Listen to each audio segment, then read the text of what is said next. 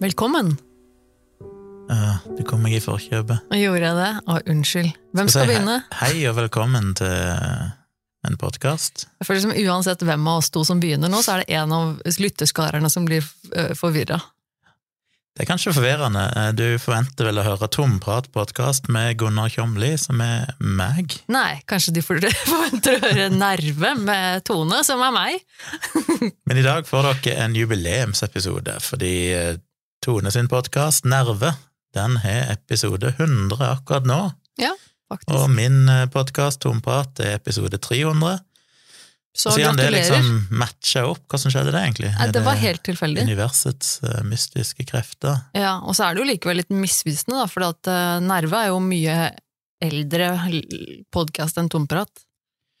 Og likevel så har du 300 episoder, og jeg har bare 100. Det er jo litt sånn Men det er jo sånn Men eh, det er, jo, det er jo ikke helt riktig heller, da, for at, eh, jeg har jo laget mm, godt over 100 episoder, egentlig. Hvis du skal telle med alle bloggcasts og alle eh, sånn sommerbonus og juleepisoder og alt mulig, så jeg vet faktisk ikke akkurat hvor mange episoder det er sånn totalt sett.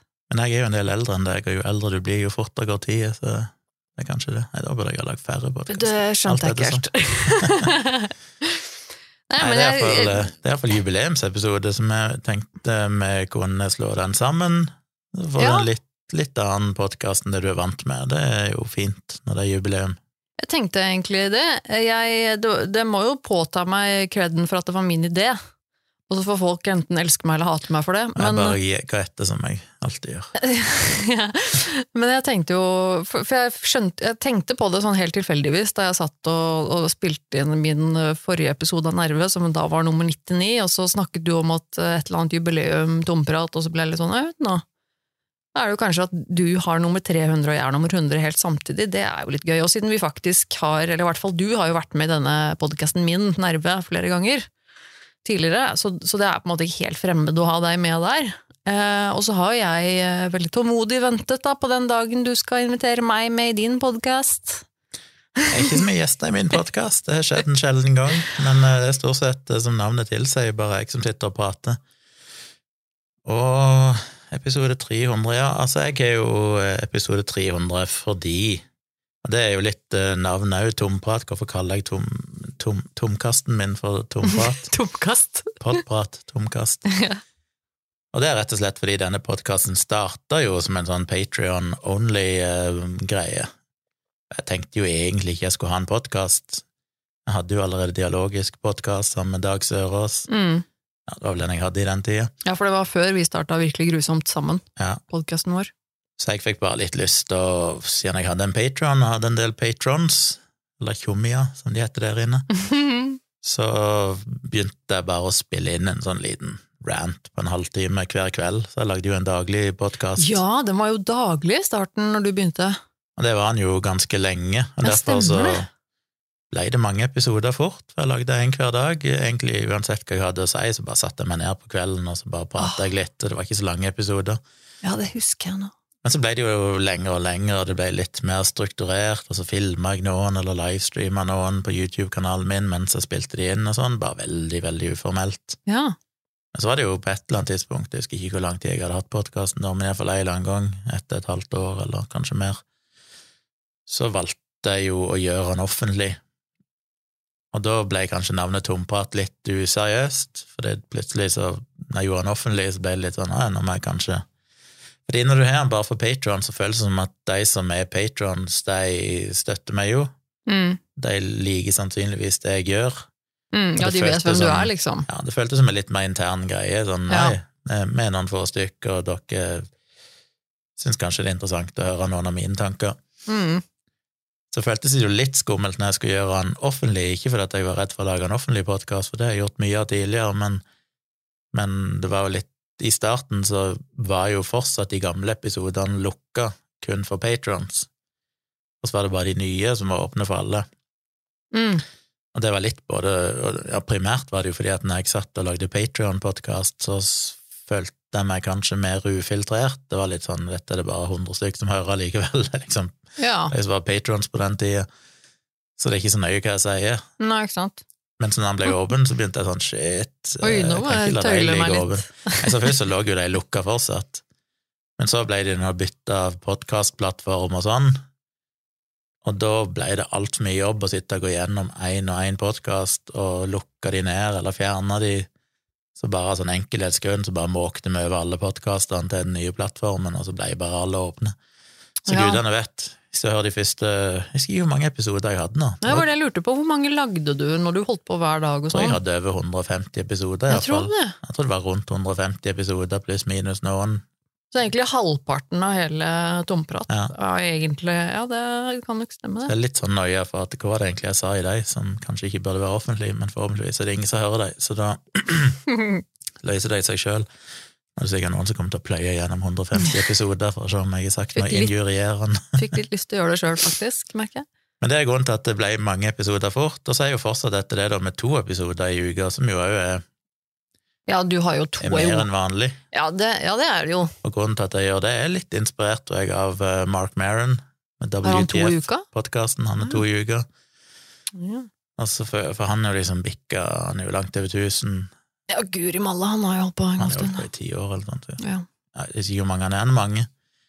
Og så følte jeg bare at ei uke mellom hver gang, det er liksom Jeg, jeg må ha litt oftere enn det.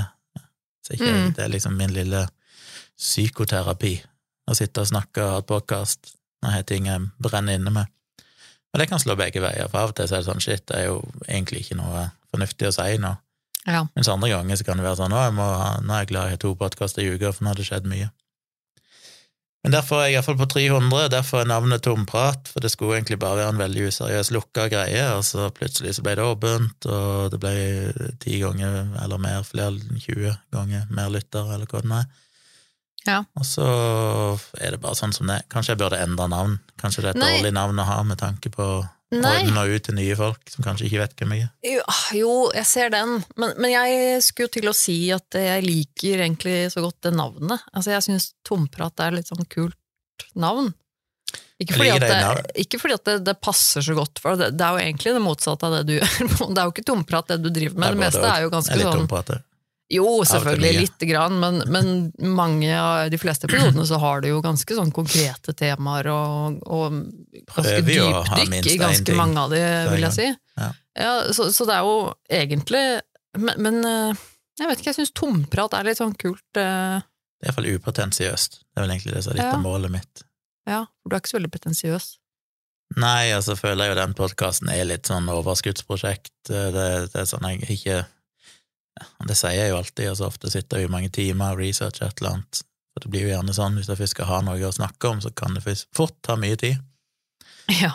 Men jeg innbiller meg jo i hodet mitt at det er noe jeg bare gjør sånn i full fart, selv om det ofte ikke er det.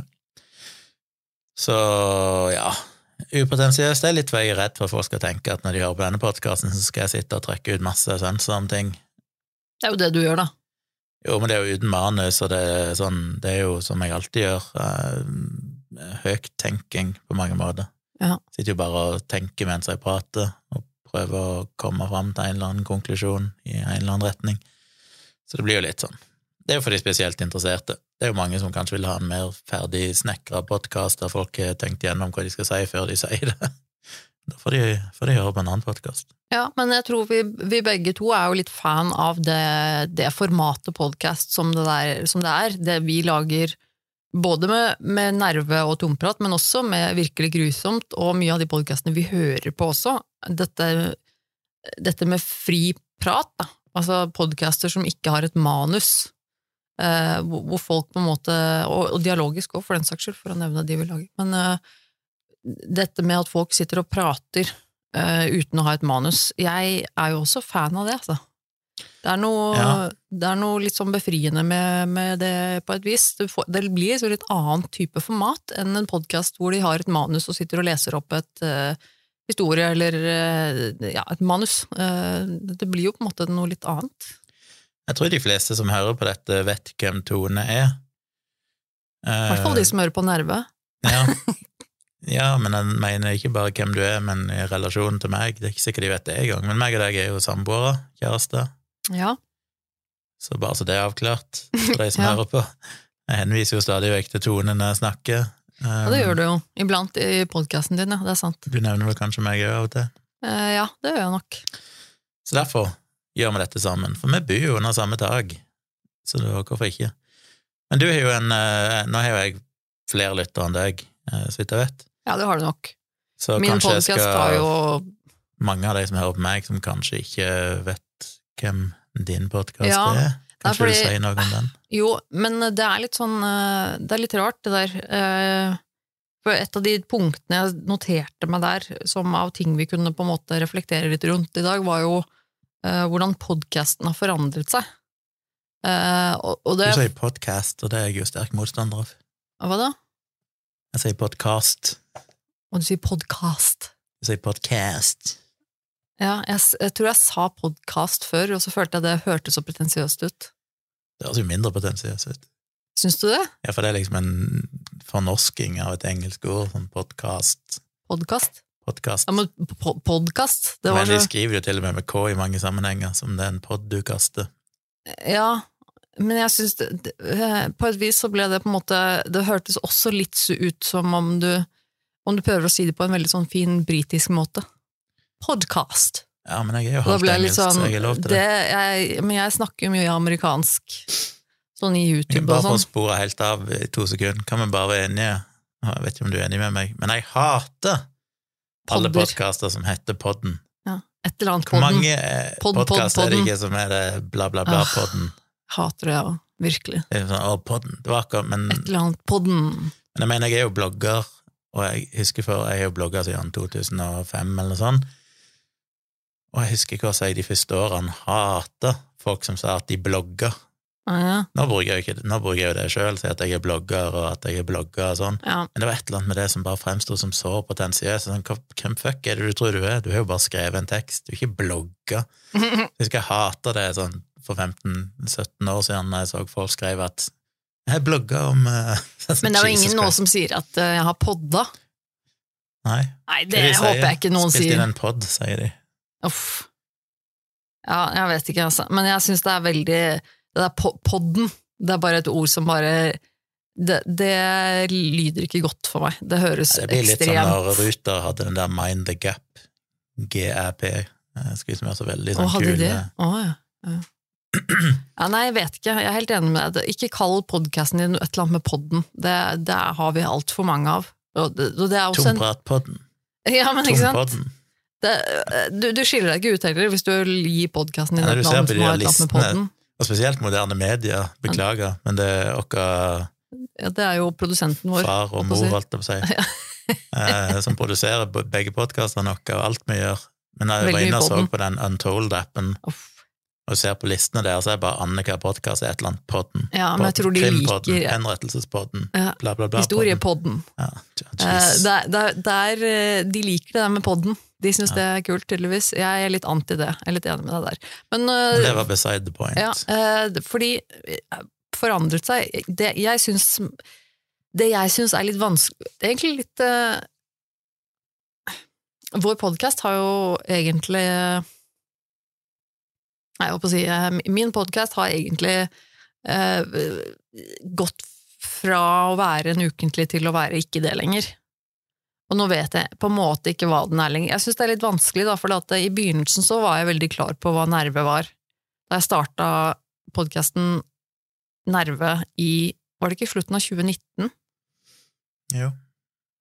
Eller var det Jo, ja, det kan stemme. Så det begynner å bli en stund siden nå. Jeg starta et helt start, Jeg husker ikke når jeg starta, var det et helt året etterpå. Jeg tror det. Jeg tror det var på tampen av året, sånn i juletida, så tenkte jeg sånn, ja ja, da må jeg begynne å Da jeg begynte med det, så visste jeg jo på en måte ganske klart hva jeg ville med den, for jeg sto jo da egentlig midt i et uh, hardkjør av behandlinger og alt mulig for mine psykiske lidelser, og det var jo Jeg hadde vel akkurat da eh, vært gjennom det verste.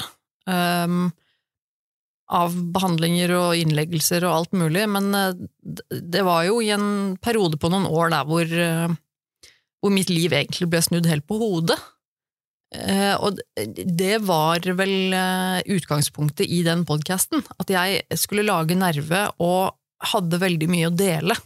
Du hadde jo Nerve som et konsept før podkasten. Du hadde jo en slags blogg, egentlig. Iallfall en idé om en blogg som du vel skrev i en bloggpost i, eller et eller annet. Som du jo kalte for Nerve. Og så hadde du jo noen sånn idé om å lage Nerve som et brand. Ja, det har jeg fortsatt, på en måte. navnet Nerve, det eksisterte jo Konseptet Nerve eksisterte Ja. eksisterte jo før du lagde podkasten. Ja, eller de, de kom egentlig samtidig. Men det var vel mer sånn at jeg hadde lyst til å lage eh, Nerve. Altså det konseptet, på en måte. Og så fikk jeg mulighet til å lage podkast. Jeg trodde jo egentlig ikke jeg kom til å få det, på en måte. Eh, Og jeg har jo aldri vært noen stor skriver. Altså, jeg er ikke noe god på å skrive og, og lese. Det er ikke min sterke side. Jeg er god på å prate og kan formulere meg, liksom, men ikke noe god på skrift. Eh, Det er jeg ikke noe glad i. Så det å måtte starte en blogg da, hvor, eh, hvor jeg skulle begynne å skrive masse, det hadde jo på en måte ikke passa meg i det hele tatt. Så da jeg fikk muligheten til å For, for det som skjedde, var jo at jeg bare spilte inn en liten sånn eh, pilotgreie, en sånn intro, eller hva man skal kalle det, hjemme, liksom, i stua, og, og la den ut på Anchor. Som er en sånn åpen podkast-app som hvem som helst kan bruke. og Det var en mobilapp, egentlig, der du kan både spille inn og redigere og publisere. Ja, og hvem som helst kan lage en podkast og legge Mm. ut der, egentlig. Det var jo tanken min òg da jeg starta, sånn skal jeg bruke Anchor, liksom. Mm. Og så var det jo Så gjorde jeg jo det. Og så hørte jo Jim på Moderne Media uh, Hørte den. For da hadde jo du allerede dialogisk, og jeg har jo med å jobbe med den, og sånn og sånn, og så hørte han den, og så var han sånn Nei, du vil ikke komme og lage Vil du ikke ha podkasten hos oss, da? Og så var jeg litt sånn herregud, selvfølgelig vil jeg, vil jeg det. Kan ikke si nei til det, liksom. Det var jo helt fantastisk. Og så begynte jeg å lage Nerve som en ukentlig podkast. Eh, og da hadde jeg så mye å dele, da hadde jeg så mange ting jeg akkurat hadde vært gjennom som jeg ville dele, og det var så mange temaer jeg ville snakke om, det var så, altså alt relatert da, til psykisk helse, egentlig. Så alt, eh, alle de tidligste episodene hos meg, det, det handler jo om psykisk helse, og også de gjestene jeg hadde, er jo på en måte, alt var jo eh, knyttet opp mot psykisk helse, og spesielt da på en måte kanskje til mine egne referanser til hvordan jeg opplevde det å slite med personlighetsforstyrrelser, spiseforstyrrelser, depresjon og angst og alt mulig sånn som jeg måte fikk et behov for å at dette må, vi, dette må jeg snakke om, for jeg, jeg hadde et veldig sånn behov for Altså Ikke bare å snakke om det, det er jo en ting at det er mange som snakker om angst, og det er mange som snakker om, men, men jeg hadde på en måte ikke opplevd at, at folk snakka så veldig mye om, om de ordentlig liksom eh, vanskelige, kjipe tingene, sånn personlighetsforstyrrelse. Jeg hadde aldri hørt om det i en podkast før. Jeg har omtrent ikke enda hørt noen som snakker om det i en podkast. Um, samme spiseforstyrrelser også kan bli litt sånn derre Uh, og, og nå er det jo senere kommet på en måte mer om, uh, om angst og sånne ting er det jo blitt litt sånn innafor å snakke om overalt, holdt jeg på å si. Det er jo en god ting, for så vidt. Men så, så det ble liksom min, eh, min greie å å starte og liksom få ut Så det ble min, på en måte min psykoterapi. Selv om jeg også gikk i holdt jeg på å si, ordentlig psykoterapi, da, men, men det ble jo på en måte en greie. Men, nå, men det som er litt rart, da, det er jo at etter hvert nå som, som årene er gått, det er jo faktisk gått noen år siden jeg starta det, så er det jo blitt sånn at jeg jeg har, jeg har jo delt Jeg har jo delt alt, på en måte. Jeg har jo delt alt, og jeg har snakket om alt. Og får jeg så- en ny diagnose, så du får Ja, litt sant? Så, nå, så nå, nå har jeg ikke noe mer som på en måte Jeg kan selvfølgelig si ting en gang til, men det er ikke på en måte like interessant alltid. Og så, er det, så har det jo blitt mer andre ting som har dukket opp i podkasten min. Jeg har jo snakket om en del eh, litt sånn tabu temaer, da, litt sånn kontroversielle ting, og snakket om eh, type forhold og, og seksualitet og den type ting også, liksom. For jeg, så det blir jo på en måte de tingene som jeg syns er interessante, da. Sånn, men det er jo gjennomgående ofte en rød tråd i podkasten min, blir jo på en måte det derre De tinga som er litt sånn vanskelig å snakke om, kanskje. For mange. Ja, Men jeg klarer jo ikke å lage en, uke, en episode i uka lenger. Det er litt det er eh, krevende hvis du skal Jeg klarer det jo fordi jeg driver med tomprat. Altså det, det er ikke sånn at jeg føler jeg må ha et stort tema hver gang. Nei. Det var å legge lista litt lågt for meg sjøl. og så prøver jeg jo, og mye takket være folk som mailer meg, jeg har jo en mailadresse som er tompratpodkast.gmail.com. Der får jeg ikke så mye som jeg skulle ønske. Skulle selvfølgelig ønske at jeg hver uke fikk masse spørsmål og tips og sånn, Ja. men det drypper inn sånn i ny og ne, så jeg finner av og til ting der som jeg tenker ja, det, det må jeg sjekke opp i. Mm. Og så har jeg jo et sånt system Jeg har jo en app på telefonen som heter Hva heter den? Den heter Cap, Captio. Captio. C-a-p-t-i-o. En av mange apper sikkert som gjør samme greia, som basically gjør én ting. Du bare går inn i settings, så legger du inn mailadressen din, så kan du gjøre et par valg. Men ellers er det egentlig bare at den dukker opp under deling på iPhonen. Så hvis jeg har en artikkel, en tweet, bilde, whatever Nei, det funker ikke på bilder, det funker bare på tekst og linker. Så kan jeg velge å dele, og så bare går jeg inn på Captio, så kan, får du opp en sånn boks du kan skrive inn av tekst, men det gidder jeg sjelden. Jeg bare velger å dele med den og trykker send, og da sender han den til min egen mailadresse. Det er basically som å åpne, som å dele via e-postappen, bare at da må du skrive inn mailadressen din fra, og så må du kanskje skrive Mm. en subject og sånn. Captio bare har du en predefinert mailadresse, så, du skal, så jeg mailer meg sjøl ting hele tida. Mm. Så jeg har funnet ut nå nettopp at jeg bruker også en annen tjeneste som jeg har brukt i mange år, som heter Raindrop, okay. som er veldig fin, som jeg anbefaler til folk, som er en webbasert tjeneste der du kan lagre linker. Og du kan da ha en liten eh, plug-in eller extension i nettleseren din, så hvis du er inne på ei webside og tenker at denne sida vil jeg lage, så bare trykker du på den, og så kan du velge en kategori og legge til tagger og alt mulig sånn, og så save, og så lager han den. Jeg husker ikke om den finnes i gratisversjonen, men hvis du betaler for den, han er veldig billig, koster ikke mye i året. Så lager han òg en offline-versjon, sånn at hvis den nettsida forsvinner seinere, så det er basically som pocket på mange måter Mm. hvis noen kjenner det. Eller Delicious Bookmarks var det noe som het før i tida. Mange sånne tjenester, men Raindrop er så fin, for den bare lager linker når du kan tagge de og kategorisere de og søke i de seinere. så er jo tonnevis av linker der, så jeg har funnet ut jeg må begynne heller Istedenfor å drive og maile meg sjøl linker hele tida, som bare fyller opp innboksen med tonnevis av linker som jeg ikke helt vet hva jeg skal gjøre med. Mm. Så jeg heller så lagde jeg noen kategorier, en som heter Tompratpodkast, en som heter Blogg. Hvis jeg ser en artikkel som jeg tenker ja, den kan jeg snakke om i podkasten, så kan jeg bare share den via raindrop uh, pluggen din, holdt jeg på å si, på telefonen, Mm. og dele den rett der, så vet jeg at han ligger der. Så når jeg skal inn og lage en podkast, så bare gå inn og kikke i tompratkategorien i raindrop, så ser jeg her noen linker, er det et eller annet jeg har laga som jeg burde ha snakket om. Så det er jo en måte jeg gjør det på, så hvis ikke jeg får tips ifra leser, nei, lytteren, så er det ofte mine egne linker jeg har. Og så er jo podkasten min, som dere vet, dere som har hørt på, det er jo starter jo ofte med å bare fortelle litt om hva som har skjedd siden sist. Mm. Noen syns sikkert det er traurig å høre på, at jeg har vært i Oslo og er fotografert eller gjort ditten og datten. Andre tror jeg setter pris på det. Så det kan vi jo snakke litt om. Hvilke tilbakemeldinger er det vi får, fordi jeg, og du òg for, min egen del, i hvert fall, så syns jeg jo Jeg er jo aldri fornøyd med ting jeg gjør. Nei, det tror jeg er veldig felles for oss. Ja. Jeg syns jo Jeg har jo sagt det, og jeg vet at folk har sagt det til meg. eh, Hei, Eirik.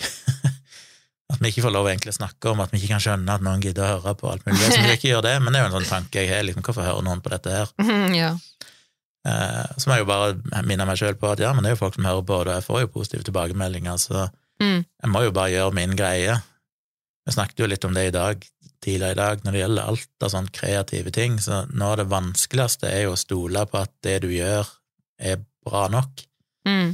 Jeg driver jo med fotografering, og så hadde jeg nettopp et fotooppdrag eh, borte på Street Food Arendal, som er en nyetablert konsept eh, i sentrum av Arendal, med en del sånn forskjellige street food, eh, taco, litt sånn internasjonal mat, Litt sånn eh, Italiensk food pizza, egentlig. da, ja. Litt sånn mathall, på en måte. flere forskjellige aktører under samme tak som, som selger forskjellige typer mat. Så jeg var så heldig at jeg fikk lov å komme der og ta bilder og sånn til nettsiden deres. Og så spurte jeg jo hun som driver det, eller en av de som driver det iallfall, spurte liksom, ja, hvor, hvor fant du meg hen, var det bare via Google, eller Og så sa hun at nei, hun hadde jobba som bookingansvarlig tidligere hos uh, Smak og behag i Kristiansand, der jeg òg var og tok bilder for noen måneder siden. Og så likte hun veldig godt stilen min. Og da blir jeg alltid sånn Stilen min? Hva er egentlig stilen min, liksom? Hva er det Fordi jeg ser jo på andre matfotografer sånn på YouTube, og så føler jeg bare alltid at ja, men jeg gjør det ikke riktig. De gjør det jo De rigger opp sånn og sånn, og den type så føler jeg bare at mitt er mindreverdig. Mm. Og så blir jeg litt glad og litt sånn tankevekkende når noen sier at ja, men de liker stilen min. Så sånn, ja, ok, jeg har vel en stil. Jeg gjør det jo på den måten som jeg syns er kult. Jeg liker litt bevegelse i bildene. Du ser hender, du ser liksom aktivitet. Det er ikke bare sånn stiliserte matbilder med perfekt lys og perfekt eh, pynt. Eh, det er mer å vise stemningen og sånn, prøve å fange atmosfæren. Mm. Altså, så, men, så føler jeg jo alltid at det er dårlig, at det ikke er godt nok. Men det er liksom å minne seg sjøl på at ok, men ok, jeg har en stil. Det likte hun, det var derfor hun booka meg, det er derfor jeg fikk Mm. betalt for den jobben, fordi at hun likte det. Ja. Og det er jo litt sånn med podkasting òg, at ok, jeg gjør en greie som er min. Den er kanskje an- Altså, det er ikke at det er superoriginalt, men det er liksom Den er jo min stil, at jeg snakker litt om meg sjøl, og så plutselig snakker jeg om kritisk tenking og tar for meg en forskningsstudie eller et eller annet sånt. Som sikkert er litt sånn sært, sær blanding. Men så er det jo en del som hører på, må jeg jo bare stole på at ja, men det er min greie, og jeg kunne ikke gjort det på noen annen måte. Det er litt sånn om jeg så hadde fire lyttere, så hadde jeg fortsatt bare gjort det sånn, fordi jeg kunne Mm. Mener, jeg har jo blogga i, i nærmest under nå 20 år. Det jo, jeg gjorde jo aldri blogging sånn som andre gjorde blogging, følte jeg. Jeg satte meg jo bare ned og gjorde det på min måte. Ja. Fordi jeg kan ikke gjøre det på noen annen måte, og hadde ikke vært noe gøy. Jeg, jeg mener, jeg har aldri fått betalt for det, så hvis jeg skal gjøre det, så må det jo være gøy. Jeg må gjøre det fordi det tilfredsstiller meg sjøl. Ja. Og det er det som alltid er litt sånn alt jeg gjør, det er YouTube, livestreams, podkast, blogging, fotos, og til syvende og sist skal du gidde å drive på med det, så må en gjør det for seg sjøl. Hvis ikke jeg blir tilfredsstilt av det, så kommer jeg jo bare til å slutte med det, for da blir det jo bare et ork. Mm. Og så er det jo bare en bonus hvis noen setter pris på det, hvis noen gidder å lese bloggen min, eller gidder å høre på podkasten min, eller vil booke meg som fotograf. Og det, er- det er en sånn terskel, at du aldri føler du er god nok, men på et eller annet tidspunkt må du stole på at ja, men ok, det jeg gjør, er min måte å gjøre det på, og det finnes et publikum der ute for det òg.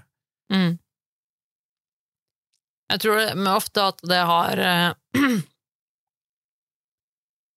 Jeg- tror at det kanskje Altså, jeg er helt enig. Eh, Jeg tror at mitt eh, si, Mitt problem er vel kanskje det at jeg ofte har en eh, veldig høy ambisjon. Jeg sa Eirik i stad, jeg mente Erik, bare sånn det er sagt. Ja, Bare kom. ja. Eh, At jeg har en tanke om at hvis jeg først skal gjøre noe, så vil jeg noe veldig viktig med det. Eh, og det er, det er jo på en måte Det er jo bra, det, for all del, men, eh, men det er jo ikke så veldig realistisk nødvendigvis alltid, og det er jeg jo klar over. Men det er jo litt sånn eh, Det som også gjør at jeg ofte da blir sliten og lei og blir deppa og nedfor, holdt jeg på å si. At jeg ikke får til ting like bra som jeg gjerne vil at det skal være, eller at ting ikke blir sånn som jeg prøver at det skal bli. Og det er jo gjerne sånn Det er nok litt det som skjedde med, med Nerve òg, at liksom eh, at, at, at jeg klarte ikke å få det til å bli det jeg trodde eller håpet at det skulle bli, og så uh, mister jeg liksom litt piffen, da. Og så er det likevel Ja. sånn at jeg, jeg, så jeg kunne bare sluttet med Nerve. Uh, nå er det jo Jeg har ikke noe fast tidspunkt når jeg gir ut uh, episoder, nå blir det kanskje en gang i måneden eller noe sånt. Uh, men jeg har jo ikke lyst til det heller. For at jeg, har, jeg liker jo å lage podkast. Podkast er jo en ting jeg er virkelig, virkelig glad i å drive med. Og Nerve har jo blitt en sånn veldig viktig for meg, egentlig, opp igjennom. Det betyr ganske mye for meg å, å, å ha det, liksom for min egen del, på en måte òg, da. Så, så jeg har jo egentlig ikke lyst til å slutte med den, men likevel så klarer jeg på en måte ikke å det er sånn, sånn vanskelig sted sånn midt mellom. Jeg klarer ikke å få den til å gå noe sted, likevel så vil jeg ikke stoppe den. det er det som er fint med både Hva kaller du det? Altså med både blogging Blogging er jo liksom magasiner, avisenes eh, Den folkelige versjonen av det. podkast er jo liksom den folkelige versjonen av radio. Mm. YouTube er jo den folkelige versjonen av TV. Mm. Og fordelen med alle de tingene er at du kan gjøre det på din måte, og du kan gjøre det med den frekvensen du vil. Sånn er det med blogging òg. Jeg hadde jo perioder der jeg, jeg blogga daglig. Eh, I snitt så på det mest produktive så lagde jeg vel kanskje et par bloggposter i uka. Og så hadde jeg en periode i seinere tid der det har gått måneder uten at jeg har blogga. Mm. Så det kommer litt an på hvilke ambisjoner. Det er klart, hvis, Siden jeg ikke tjener noe på bloggen og sånn, så er det ikke noe å si. Uh, Podkasten ser vi jo litt reklameinntekter, men det er jo òg avhengig av hvor mye du produserer. Så skal du gjøre det som en jobb. Hvis målet er liksom at du skal ha en inntekt på det, så må en jo bare ta seg sjøl i, i, nakken og produsere noe. Mm. Og sånn er det jo det, det vi egentlig si, tjener penger på, er jo den podkasten vi har sammen, som er virkelig grusomt, for det er jo den største podkasten av de alle. Og den, den er jo sånn at det begynner faktisk å bli litt inntekter som er hyggelig å få. Mm. Men den kan vi ikke bare lage når vi føler for det. Det er litt sånn at da selger vi jo inn annonsører, og så forventer de at, at de skal få x antall episoder i løpet av de neste ukene og sånn. Mm. Så der må vi jo bare produsere én i uka, med mindre det skjer noe spesielt. Så det blir Med en gang det kommer penger inn i bildet, så blir det jo Mer komplisert. ja, en litt annen måte å tenke på. Da blir det jo mer profesjonalisert med en gang. Ja. Så på en måte er det jo fint at det ikke er så viktig å tjene penger på tomprat og nerve og sånn, for da er vi jo mye friere. Selv om jeg har annonser i, i, i tomprat òg, så jeg, derfor prøver jeg jo iallfall gi ut én episode i uka, selv når det er ferie. Jeg vil stort sett klart det. Jeg har ikke klart to episoder hver uke i ferien, men tatt litt fri. Nei, det syns jeg er litt dumt, da, for det, det er liksom, jeg er helt enig i at det er, noe, det er noe veldig deilig og fint ved å bare ha det fritt, øh, og, og gjøre det bare når det passer deg og Ja, ikke sant? Det er jo helt supert, det er jo noe kjempedeilig med det, men det som er dumt med det, er at da vil du jo aldri da vil du jo aldri kunne tjene noe på det. Det blir jo aldri Nei. en podkast som du lager bare når du vil. Det Jeg er mener, det er jo den store illusjonen mange har, det at folk som tjener mye penger på YouTube eller blogging og sånn, og de er så heldige for de kan gjøre det de liker og sånn. Beinhard jobb for alle sammen. I det øyeblikket Ja. du skal tjene penger på det, så forsvinner mye av lysten, og det er jo ikke uten grunn at mange, de fleste youtubere, blir utbrente etter noen få år. Mm. For plutselig så kan du ikke bare lage en video når du har noe å si, du må faktisk produsere én eller to videoer i uka. Selv om du ikke har noe å si. Ja, og det er beinhardt. Og det, og det er, Og vi kan gjøre det med virkelig grusomt, for det krever jo ikke at vi sjøl har ideer, på en måte, for det er jo historier vi forteller. De fins jo der ute, det er bare å velge en historie. Ja. Men sånn som tomprat og nerve er jo en helt annen kategori, for da må du faktisk i hodet ditt, i hjernen din, ha noe på hjertet. å komme med, liksom. Hva noe å si. Mm, Ja. Og det krever så mye mer jobb. Hadde jeg skulle ja, liksom gjort tomprat på et nivå som kunne skapt en del inntekter, altså da jeg hadde mange dobla lyttertallet mitt, så hadde det jo vært en helt annen jobb. Da måtte jeg kjørt ned Sam Harris-versjonen og satt meg ned og skrevet et manus i forkant av hver episode. Eh, Ikke bare sette meg ned og skru på. Ja, eller i det minste hatt en plan, da, en oversikt over hva du skal snakke om på noen forhånd. stikkord selvfølgelig for hver Ja, nei, jeg mener på forhånd, liksom, som, som en slags lang, langsiktig plan da, på Ja. sant, episodene nedover på hvilke og hva og Men det er viktig å huske på at de som, jeg mener til og med ja, til og med på å si, de vi kan gjerne gjøre narr av de såkalte rosabloggerne, eller det som i dag vil kalles for influensere, men det er klart det har jobbing for de òg. Det er ikke bare bare å produsere så mye eh, bloggposter sånn, og en sånn typisk rosablogger som kanskje ikke har det mest dyptpløyende innholdet, men de skal fortsatt ha tatt bildene, de skal fortsatt ha posert på bildene, de skal Ja, ja. ha produsert bildene de trenger, de skal ha Absolutt. skrive teksten og Så det er jo ingenting av det som er gratis, så det, ofte må man jo velge enten så gjør han det chill, for moro skyld, og da kan en ta det litt som det kommer, men i det øyeblikket du skal prøve å gjøre det til en jobb, så er det beinhardt arbeid, uansett hvor mye du liker å gjøre det når du gjorde det som hobby. Mm. Så det får ikke noe gratis. Men du har et punkt der du har skrevet ned, siden du har skrevet ned noen punkter, i motsetning til meg, og du sier hva syns du er mest spennende å prate om? Ja. Jeg har kanskje svart på det allerede, jeg vet ikke. Nei, men hvis du, eh, du Du begynte å snakke om liksom tilbakemeldinger, og det er jo går litt på det, jeg, for så vidt, og det er jo på en måte, hvis du eh, hva, hva er det du blir skikkelig Hva er det du blir mest, på en måte, du får den derre engasjementfølelsen når du får en eller annen tilbakemelding, et tips eller et eller annet, 'Å, kan du snakke om det eller det?' Eh, Hva slags type ting er det da som gjør at du får den derre 'Å, ja, det vil jeg snakke om'?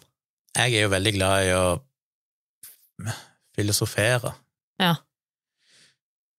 Så jeg får jo en del mailer, men de er ofte ganske konkrete. Det er sånn 'Hei, jeg kom over en eh, artikkel som sa sånn og sånn, hva tenker du om det?' Og så er det ofte litt sånn vitenskapsbasert.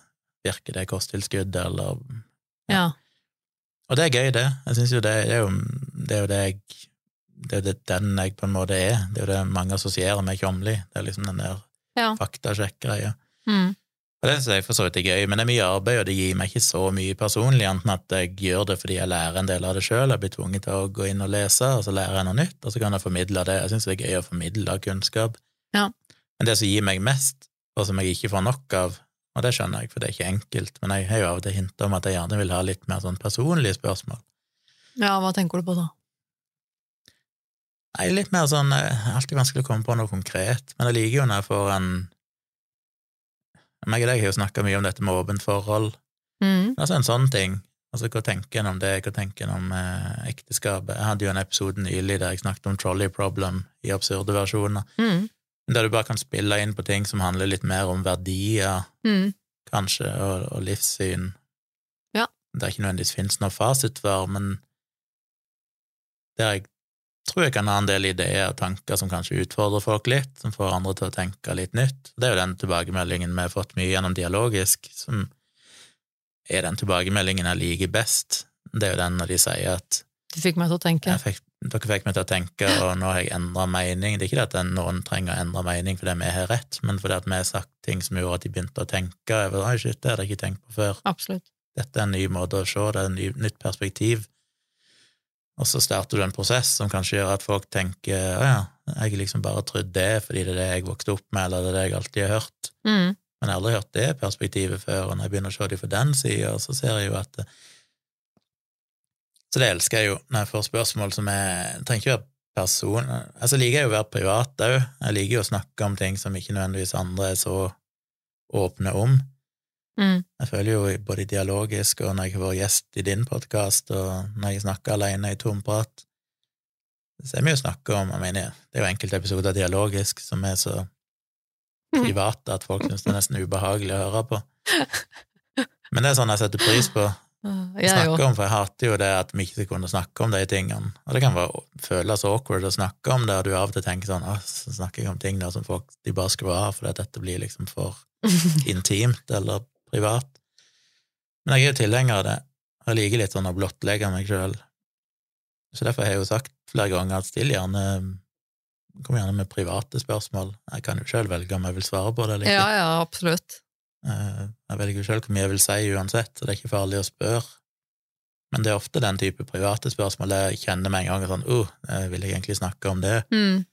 At det kan være sånn, ja, det er en utfordring. La Kanskje- meg si noe om det. Ja, og så er det kanskje ofte sånne spørsmål man, man begynner å tenke litt mer rundt ting, og, og, og altså, jeg er helt enig med deg i det, og vi er ganske like der når det gjelder det å på en måte snakke om, eller reflektere litt rundt om sånne filosofiske ting, eller om det er på en måte egne tanker og verdisett og eh, moralske kvaler og hva det skal være. Eh, Jeg syns jo det er kjempeinteressant, men det er også sånn jeg får jo aldri spørsmål om det. Eh, det er vanskelig å Jeg mener, bloggen min ble jo mye Det mest kontroversielle, kontroversielle i bloggen min er jo når jeg skrev om ting som barneporno og mm, seksuell lavalder og pedofili og sånn, og prøver å se analytisk på det og se liksom eh, hva, ok, hva er det som funker, og hva er det som ikke som funker, og har vi egentlig et, er det en rasjonell grunn til at dette er sånn, eller folk ser på det sånn. Det er jo de tingene jeg elsker, når det er noe som bare folk tar for gitt. Ja. Og så kan en se på det med, med et litt sånn mer objektivt, kritisk blikk, og se er, men stemmer egentlig dette? mm, Og så er det jo kanskje et begrenset antall sånne tema. Til en viss grad. Det Ja. liksom et begrenset antall tema. Så med, med, dialogisk starta jo med mange av de, alltid fra dødsstraff til ja. religion til mye sånn eh, ting som jeg pløyde litt ned i. Og så går du litt tom der òg, da. For det er sånn, Hva mer kan vi snakke om nå? som er Ja, og så blir det jo det, det, det evige problemet med at det liksom, du kan alltid snakke om det samme tingen om igjen og om igjen, uh, men, men hvor gøy er det, liksom? Det er jo litt begrensa hvor, hvor mange ganger du gidder å si de samme tingene. Det var vel i forrige episode av min podkast der jeg snakket om dette med ekstrem seinabort. Den Ja. etikken i å ta livet av et barn etter at det var født. ja. Og det er sånn Ja, det høres jo absurd ut for mange, og tenker sånn her, Jesus Christ. Men det er jo så viktig å tenke over ja, men hvorfor. Mener vi det å ta et liv er feil? Kan vi egentlig argumentere for det rasjonelt, eller er det bare sånn at nei, men selvfølgelig er det sånn? Ja, hvorfor er det forskjell på et barn som er født og et som er inni magen, og hvor er det den grensen går, og er det, hvor, hvor- hvorfor er forskjellen, hva er forskjellen på en ettåring og en nyfødt baby? Altså sånn, Og Så tror jeg det var, jeg så nettopp et sitat, jeg husker ikke om det var Sokrates eller et eller annet sånt som sa det, men um, iallfall Men det var et eller annet uh, The true sign of Han hørtes veldig potensiøst ut, men jeg tror han sa noe sånn The true sign of intelligence is the ability to entertain a thought without necessarily agreeing with it. Og det er jo mye Ja. det som er greia, ikke sant, jeg kan diskutere Det er jo det som har skapt problemer i bloggen min og sånn òg, for det å diskutere pedofili, da tenker folk at å ja, så du mener pedofili er greit? og det Eller er bare så diskutere-. Diskutere er det, jeg, burde det være lov å abortere kanskje et multihandikappa barn som vil ha begrensa liv Mm. Innen den første måneden etter at det er født, hvis du da du oppdager det. mm, Det betyr ikke at jeg syns det er greit, eller ønsker at verden skal være sånn, nei, men det er viktig å diskutere det og tenke over men hva er liksom argumentene for og mot. ja, Og og, er, for det, hvordan ellers kan du vite hva du egentlig mener, hvis ikke du setter deg ned og, og kjenner på de ubehagelige følelsene det er? ja, også ikke minst det der med å liksom, men hvorfor? For de fleste av oss får jo en eller annen innskytelse med en gang når det gjelder litt sånn kontroversielle ting, så får man kanskje en, en, en følelsesladet respons med en gang man tenker liksom æsj, eller man tenker «Åh, eh, fy, eller det er galt, eller moralsk, uh, ikke sant, et eller annet sånt. Men eh, man må jo likevel kunne sette liksom spørsmålstegn med sine egne tanker og reaksjoner følelsesmessig, tenker jeg sånn, hva, hvorfor hvor kommer det fra, egentlig? Hva er det den følelsen av at jeg, at jeg syns det er galt, hva er det den bunner i? Eh, Mm. Hvor, hvor kommer den moralen fra? Hva, hva, hvor har jeg lært den, eller er, er det Altså, det er jo Jeg er helt enig, for det er jo på en måte ofte da de mest interessante spørsmålene dukker opp, syns jeg. Det er vel egentlig det som er svaret mitt når jeg fikk tygge litt på det, det er vel egentlig dyptliggende etiske dilemma. Mm. Det er vel egentlig det jeg syns kanskje er det mest givende å snakke om, de gangene jeg finner eller får tips eller spørsmål om det. Så det vil jeg gjerne ha mer av. Fyr løs. Det vil jeg også gjerne ha mer av. Men det er litt sånn eh, Det tror jeg ikke et, Ja. Jeg tror ikke folk tenker på det. Når de tenker å sende meg tips, og det skjønner jeg jo for så vidt. Da Jeg skjønner jo at måte- folk ikke sender tips. Jeg har aldri sjøl sendt tips til en podkast, Har du ikke? Nei. nå må jeg tenke, har jeg det? Så det er lett å sitte og forvente at lytteren skal engasjere seg og sånn. Jeg forventer jo, jeg skjønner jo godt at ingen gjør det, så jeg er veldig takknemlig for de som faktisk gidder å sette seg ned og skrive en mail. Det betyr jo veldig mye. Ja, for de fleste gjør jo ikke det. det sånn er det jo bare. Det Det vet, det det vet man jo, det vet vi jo alle, på en måte. Ingenting galt. Eh, men ja, det er litt interessant likevel å, å tenke altså sånn Jeg tror jeg tror kanskje en eh, oppfatning Jeg tror folk flest kanskje har en oppfatning av at at, at podcaster kanskje får inn ganske mye mer tips enn de faktisk gjør. Mm. Jeg lurer på, altså sånn, tenk på vår podcast, den som heter Virkelig grusomt. Eh, Hvis sammenligner eh, tipsene vi får inn der, og sammenligner med de jeg får inn i Nerve og sånn, så er det på en måte sånn Det er Det er virkelig grusomt, der er vi jo bortskjemte, for der får vi jo gjerne flere tips i uka. Så hver gang vi skal Ja. spille inn en episode, så er det tre nye tips, liksom, eller Men til og med der så kan det jo Og der er det jo Den er jo ganske stor, der er det jo ganske Mm. mange lyttere, men en prosent, prosentvis er hvor mange lyttere det er. Er Ja. selvfølgelig ikke mange, men Nei, ikke sant? Og, det, og da kan du tenke at når på for eksempel min podcast, Nerve, den er jo så liten, eh, og har ikke fryktelig mange lyttere, og da er det jo så godt som null av, tips og tilbakemeldinger, sånn i forhold til forhold til eh, prosentmessig, holdt jeg på å si. Eh, det er Nei, det, det er ikke Det er ikke så det er ikke, det er ikke, det er ikke flust av tips, liksom. Hva er du mest fornøyd med i Nerve? Hva er din største prestasjon, eller hva er du mest fornøyd med sånn som det er i dag? Det det er blitt? Var det jeg som skrev det? Æsj, må jeg svare på det? Eller hva er du minst fornøyd med? Hvis det er lettere.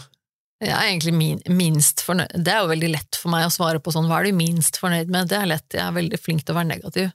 Uh, jeg er veldig lite fornøyd med at den er blitt så liten, og at den er blitt så sjelden, og at det på en måte ikke ble det det, det er, At jeg ikke klarte å fortsette å lage en gang i uka. Sånn. Det, er, det er jeg lite fornøyd med. Men jeg er jo for, ok, hvis jeg skal si hva er jeg fornøyd med Jeg er fornøyd med Nei, altså skal jeg si, jeg er jo fornøyd med at jeg klarte å lage noe i det hele tatt, da. altså, jeg er jo fornøyd med at jeg har klart å eh, lage nå 100 episoder, eh, og i løpet av de 100 så har jeg jo hatt noen gjester også, eh, riktignok en god stund siden nå, men i starten så hadde jeg jo noen gjester og sånn, som var veldig hyggelige og veldig flinke og smarte folk, som har vært veldig hyggelige å få ha som gjester. Jeg er veldig fornøyd med det. Og så er jeg jo selvfølgelig Jeg må jo si det som det jeg er mest fornøyd med, det som på en måte har gitt meg aller mest.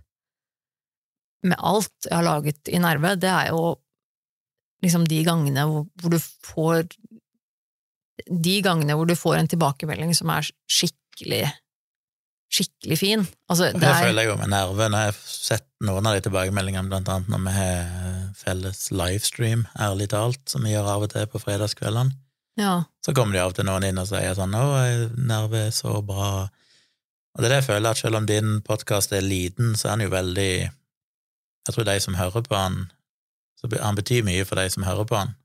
Mm. Det, siden du snakker om psykisk helse og sånn, så er det nok en del folk som er i litt samme situasjon som deg, og som ja. syns det er veldig fint å høre noen snakke. Ja, du er ikke tusenvis av lyttere, men det er alltid hva er viktigst, er det å ha tusenvis av lyttere som bare hører på det mens de jogger uten at de egentlig tar det så mye inn, bare for å ha noe tidsfordriv?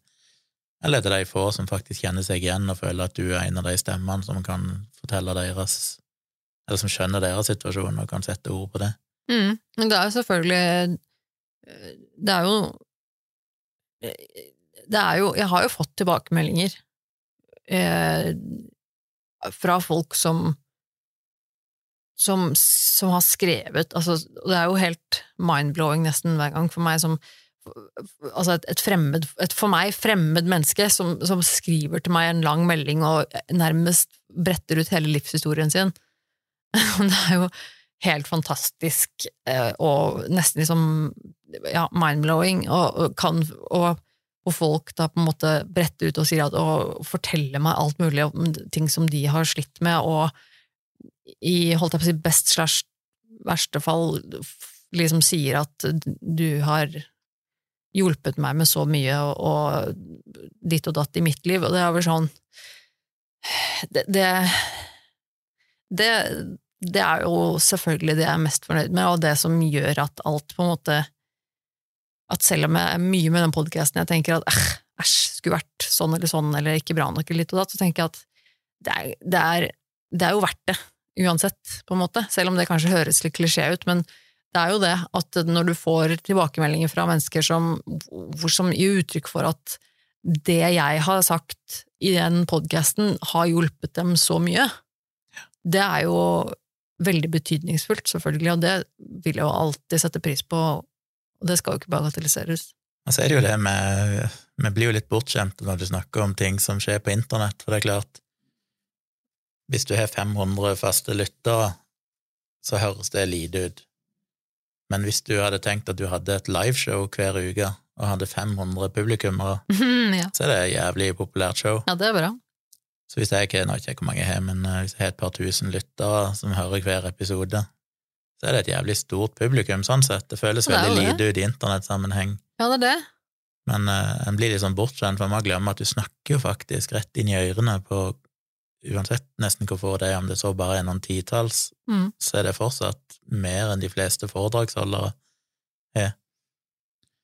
Så det er jo En må ikke tenke at det ikke er verdt det, selv om det er bare 50 som hører på, liksom. Det er fortsatt 50 personer. Altså, man bare visualiserer at de sitter i en sal foran deg, og da er det jo et anstendig publikum. Mm. Hva er du, da? Minst slash mest fornøyd med med, to, med tomprat? Hva er det du tenker på når jeg spør om det, liksom? Er det noe du Det er det som er vanskelig med, med både blogg og podkast. Det er jo det at en, hvis du har en god episode, så er det sånn fuck, alle skulle ha hørt dette. Eller en bloggpost som jeg føler er viktig. Jeg har jo skrevet noen bloggposter under pandemien om vaksiner og sånn, og så er det noen hundre som leser det, eller det er tusen personer. Mm. Og så ser jeg hvor mye piss der ute som blir delt titusenvis av ganger med bare én feilinformasjon. Og det blir sånn fortvila. Sånn, hvordan kan en nå ut til alle? Dette trenger alle å lese eller høre. mm. Så det føles alltid litt sånn fortvilende at eh, tross alt så når en ikke ut til mange nok. Men hva jeg er mest fornøyd med Mm. Nei, jeg vet ikke om jeg kan si en konkret ting, men det, det er litt sånn med livestreams og, og sånn òg, som jeg har sagt i livestreamene, at en del av livestreamene mine, så når jeg er ferdig, sittet i tre timer, hatt livestream, så er det litt sånn øh, dette var jo bare svada. Mm. Men så er det av og til det er sånn shit, denne gangen fikk jeg sagt noe bra. Mm. Og sånn er det ofte med podkast òg. Det liksom går veldig opp og ned, så jeg er alltid livredd for at noen skal høre bare én episode. Det er sånn, du må høre fem episoder. Ja. For per femte episode så er det iallfall én jeg følte at var Denne gangen fikk jeg sagt noe skikkelig Det tenker jeg med Nerve òg. Mange ganger vi har laget en episode av Nerve, så tenker jeg sånn shit, tenk om det kommer noen, og så hører de bare den nyeste, Ja. og så tror de dette er podkasten. Å nei, å nei. Så jeg ikke jeg er mest og minst fornøyd med, men det er enkelte episoder jeg definitivt er mer fornøyd med enn andre. Ja. Så jeg er vel fornøyd med at jeg har ganske mange lyttere, tross alt. Det, Mhm. ingen, ingen, det føles ikke som at det skulle være noen Jeg mener, er du Dag Sørås, som har liksom et publikum og reiser rundt og har show og er på TV og alt mulig sånn, så, så får du jo automatisk en del fans som er lyttere. Og Mm. han er jo morsom, han er en appell som er lettere, mer spiselig for folk flest. Mens med min podkast så er det jo sånn, det, dette er jo for spesielt interesserte. Mm.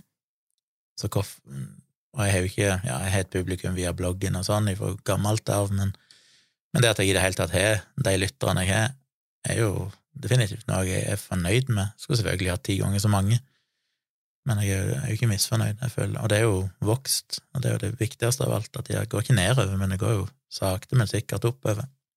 Det er jeg fornøyd med, at jeg iallfall ikke mista lyttere i stor grad. Men det er veldig bra. Før vi hopper over på det neste segmentet, holdt jeg på å si, eh, så- skal jeg spørre deg om Hører du på Nerve, Gunnar? Ja, selv om jeg ofte er litt på etterskudd, for det, jeg har bare noen få podkaster jeg hører på, og så er jeg ganske dårlig i tid, Ja. så det blir litt sånn Hører du på hver, hver episode av min podkast? Ja, det tror jeg jeg er Tror jeg har hørt alle episodene, ja. Jøsse navn. Ikke du hørt alle mine? Nei, det Eh, har sikkert ikke hørt alle, tror jeg. jo Nei, vent, da. La meg tenke. Eh, jo Eller nei, eh, ok, nå skal jeg eh, Jo, jeg pleier alltid jeg, jeg laster alltid ned episodene dine når de kommer, eh, og så er det litt avhengig av hva du snakker om i forhold til om jeg hører den ferdig eller ikke. Jeg pleier som regel alltid å begynne å høre på de, og så hender det av og til at du snakker om et tema som eh, altså, som jeg har hørt deg snakke om før, om det er Det er det som er utfordringen med meg og deg, for når jeg hører din podkast òg, så er sånn 70% av det har jo jeg hørt deg snakke om på privaten. Ja, på privaten, eller er så sånn, i, i livestreamen. Ja, ikke sant?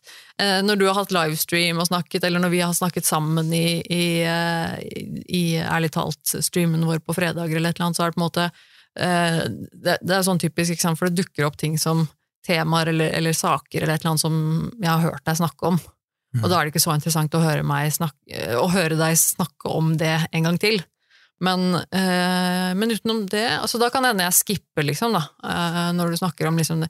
Men øh, ellers, jeg tror jeg har hørt eh, jeg tror jeg har hørt alt. Jeg er litt usikker på åssen jeg gjorde det før i de gamle, når du lagde Jo, jeg hørte på de også. Jo, Jeg tror de tror det. de altså. fleste som hører på min podkast Nei, jeg vet når jeg hører på din podkast, så skrur jeg den opp gjerne til 2X. Å, ja, ja, ja, du er sånn som skrur opp hastigheten, du. På alt du hører på. Og jeg vet det er mange som hører på min podkast som skrur opp til 1,5 eller 2X. Ja. For det som er felles for oss, er vel at vi er litt sånn tankesnakkere. Tankesnakkere, ja, det er vi nok. det er stream of consciousness. Ja. Eh, Det går ikke så fort, og jeg skjønner at det kan bli treigt og kjedelig for noen. Kanskje jeg skal begynne å eksperimentere med å bare skru opp hastigheten før jeg publiserer podkasten.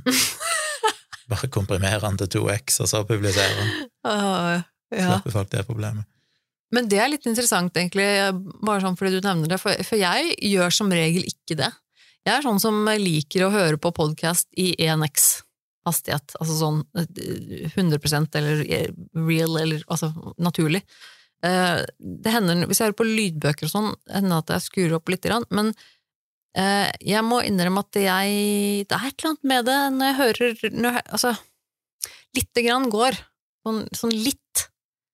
Men du kommer til et punkt hvor jeg liksom hører at det er satt opp liksom i hastighet, og da klarer jeg ikke å høre på det mer, for at da blir det sånn, jeg blir forstyrra av at, det, at jeg hører at, at det ikke er naturlig, på et vis. Skjønner du hva jeg mener?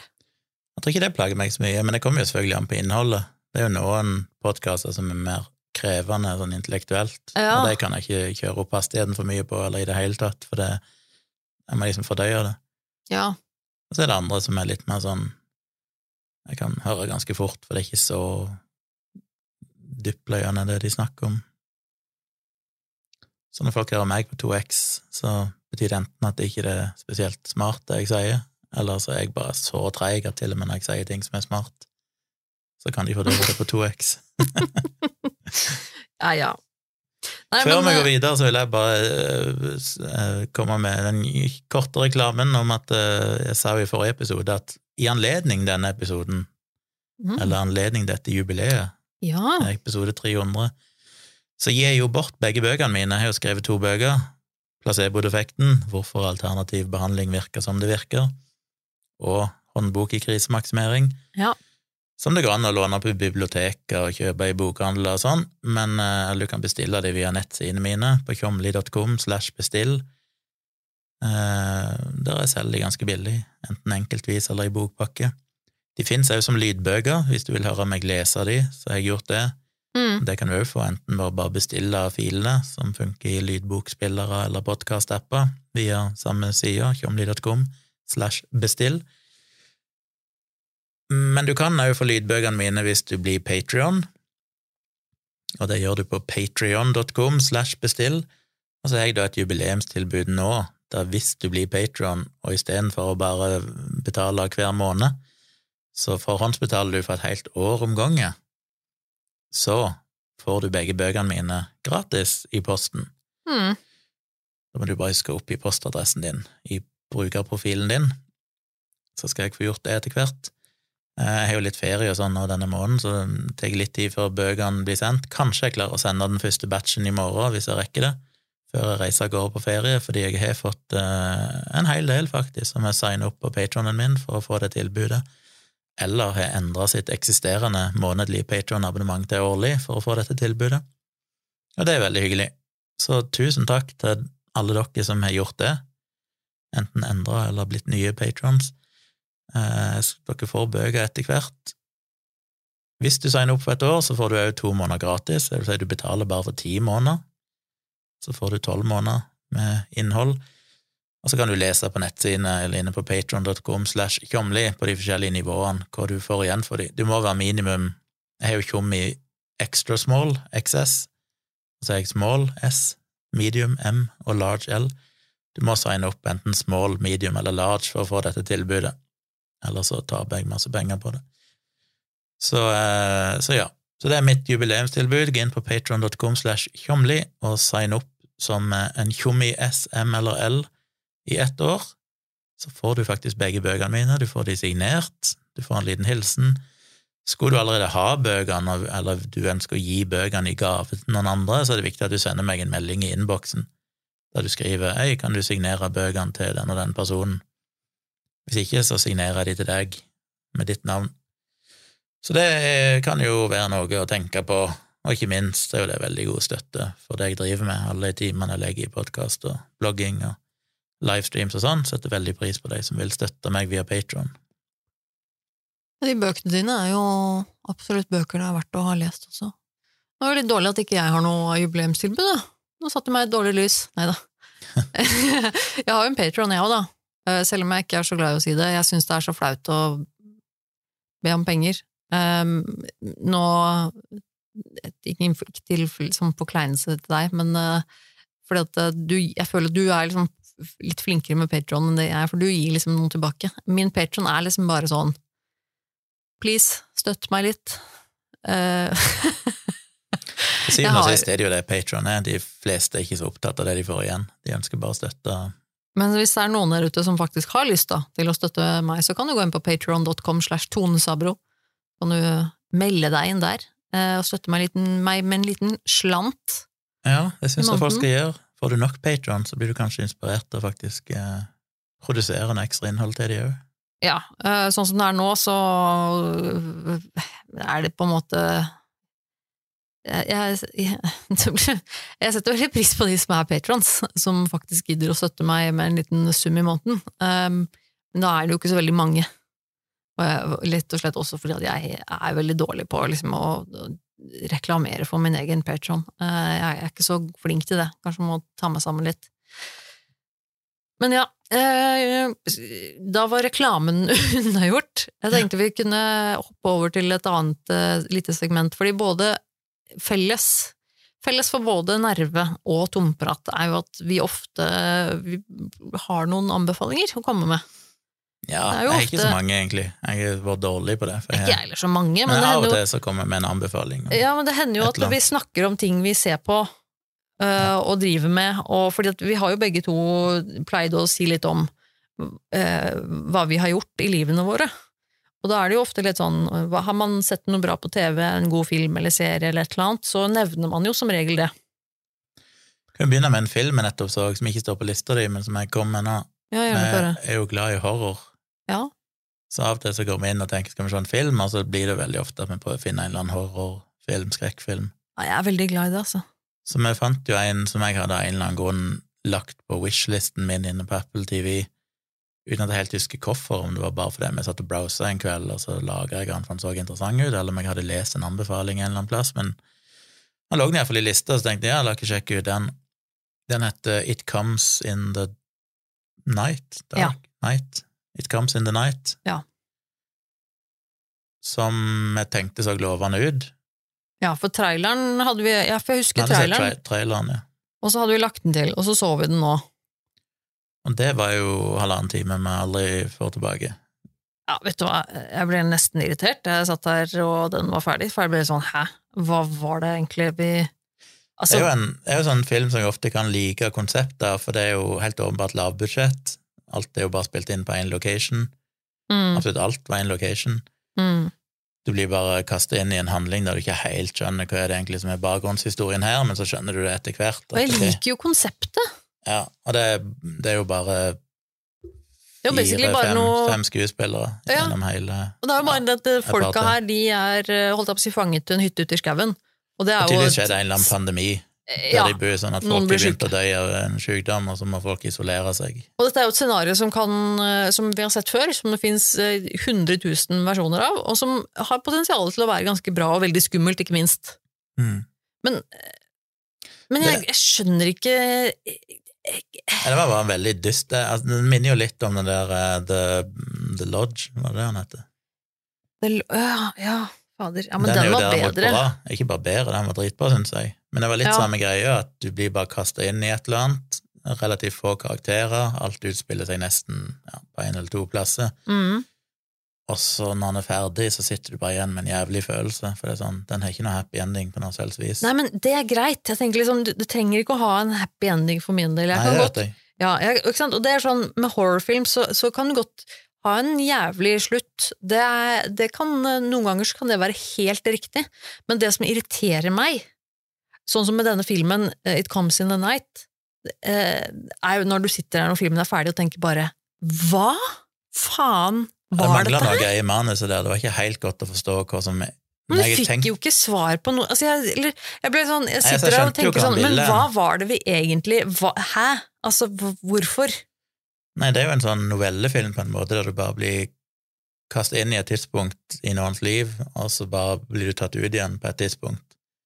Men den har jo ikke noen det er ikke, en, altså det er ikke en historie der du ender opp med et budskap eller en konklusjon eller noen ting som helst. Du blir bare sittende igjen med ok, dette var jo ikke trivelig.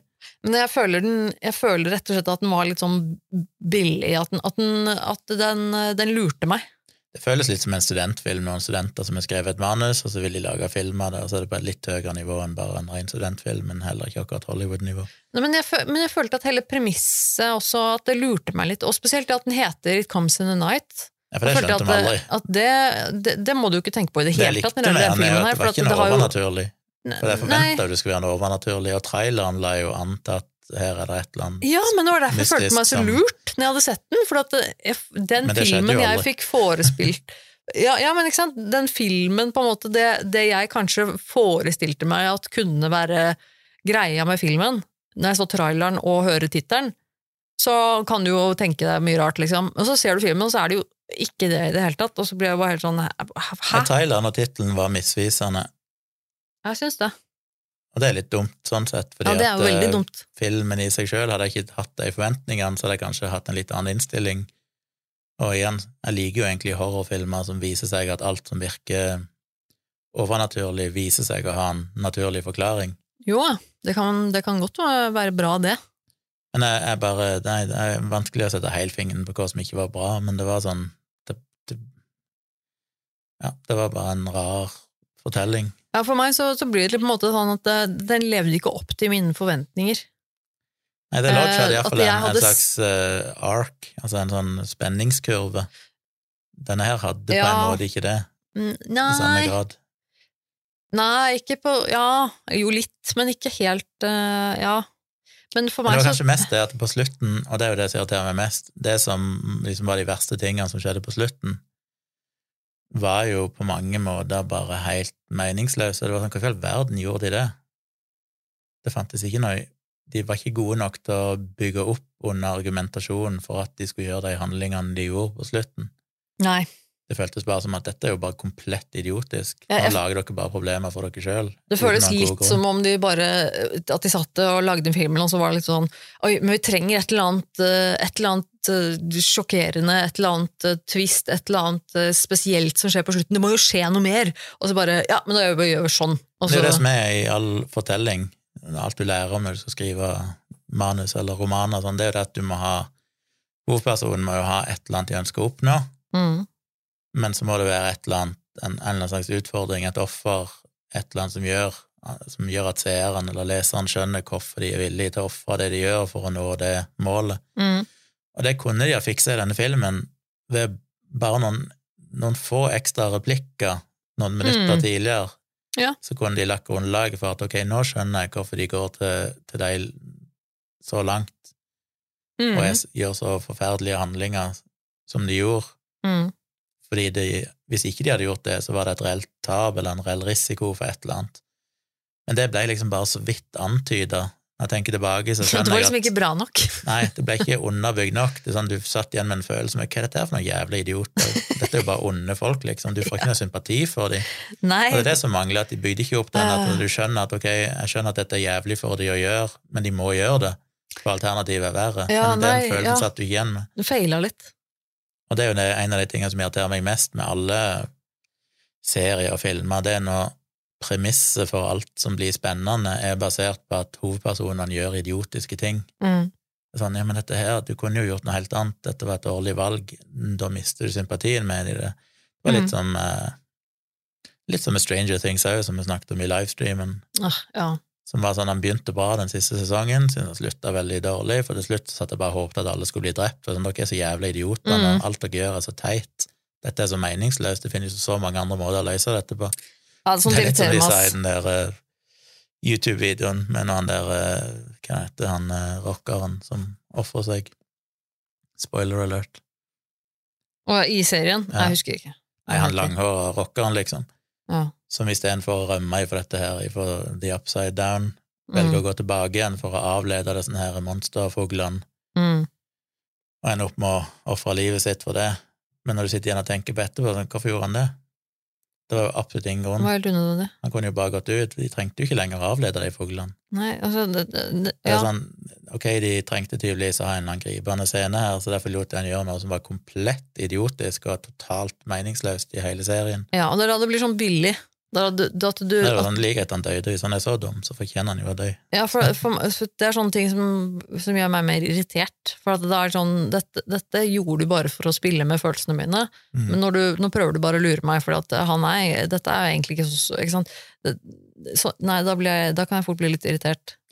Men for å ta det vi egentlig hadde på lista, uh, må ikke bruke for lang tid for det, men uh, vi er jo nettopp i går så vi ferdig Mr. Good på Netflix. Ja, og det er jo eh, en Politimann eh, Eirik Jensen. dokumentarserie om, eh, om Eirik Jensen Bare tre episoder, ikke? Tre Jeg tror det var fire. Fire, kanskje. Um, om Eirik Jensen og den saken mot Eirik Jensen, rett og slett. Og jeg syns det var litt interessant, for jeg har jo, som de fleste andre, fått med meg Eirik Jensen-saken, men jeg har egentlig ikke fått det med meg. Og så visste Nei. jeg veldig lite, egentlig, omstendighetene og hva som egentlig var greia med han Eirik Det er ikke Jensen. det rart? Det er så mange av de dokumentarene vi har sett, enten det er Scandinavian Star, eller det er Barnehøy, eller det er hva som helst. Estonia, eller ja. Ja, det er så mange ting som har skjedd mens jeg levde, og jeg Mm. leste om de avisene mens det pågikk. Mm. Men det er først når jeg ser dokumentaren senere, når noen kan bare ta seg bryet til å liksom komprimere alt ned til et par-tre timer, Mm. da er det interessant. Og så tenker jeg ofte sånn, men geez, hadde jeg visst at det var så interessant, så hadde jeg jo fulgt med på det når det pågikk. Men, Ja. Litt som Eirik Jensen, jeg tror vi var så vidt innom det i en dialogisk episode for noen år siden, og da nevnte vel Dagde eller sånn, og så svart, tror jeg iallfall jeg svarte bare sånn, å, det der syns jeg er så uinteressant. ja. Og Men- det gjorde jeg jo, men jeg så dokumentaren nå, og så skjønte jeg plutselig sånn, ok, nå skjønner jeg litt mer hvorfor dette var en interessant sak.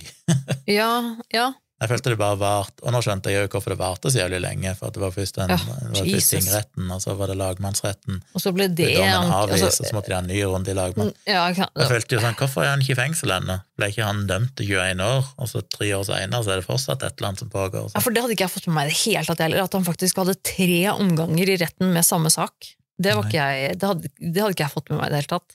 Men det, Jeg husker at saken ble anka, men jeg fikk aldri helt med meg at han liksom måtte jeg husker ikke det heller, jeg bare regna med det. Ja, det er Men, anker jo eh, selvfølgelig en sånn sak. Men eh, jeg syns faktisk eh, dokumentaren var eh, bra. Vi jo, vi ser jo en del sånne dokumentarserier, du og jeg, og ofte felles for, for kritikk de ofte, eh, den, den felles kritikken de ofte får av oss, er jo det at vi føler at de drar det ut for langt. Ja, Spesielt lager, på Netflix, fordi de Ja. ubegrensa med tid, så de har masse materiale, og så klarer de ikke å begrense seg. Ja, At de, de rett og slett lager for mange episoder, og at den egentlig kunne de hatt fordel av å dybden, være liksom. kutta ned mye mer, og at være komprimert mye mer. Det er litt sånn med Stranger Things, den er jo kun de ha kutta fire timer av, Ja, så det var helt greit. Uh, men jeg satt ikke igjen med følelsen av det i denne her.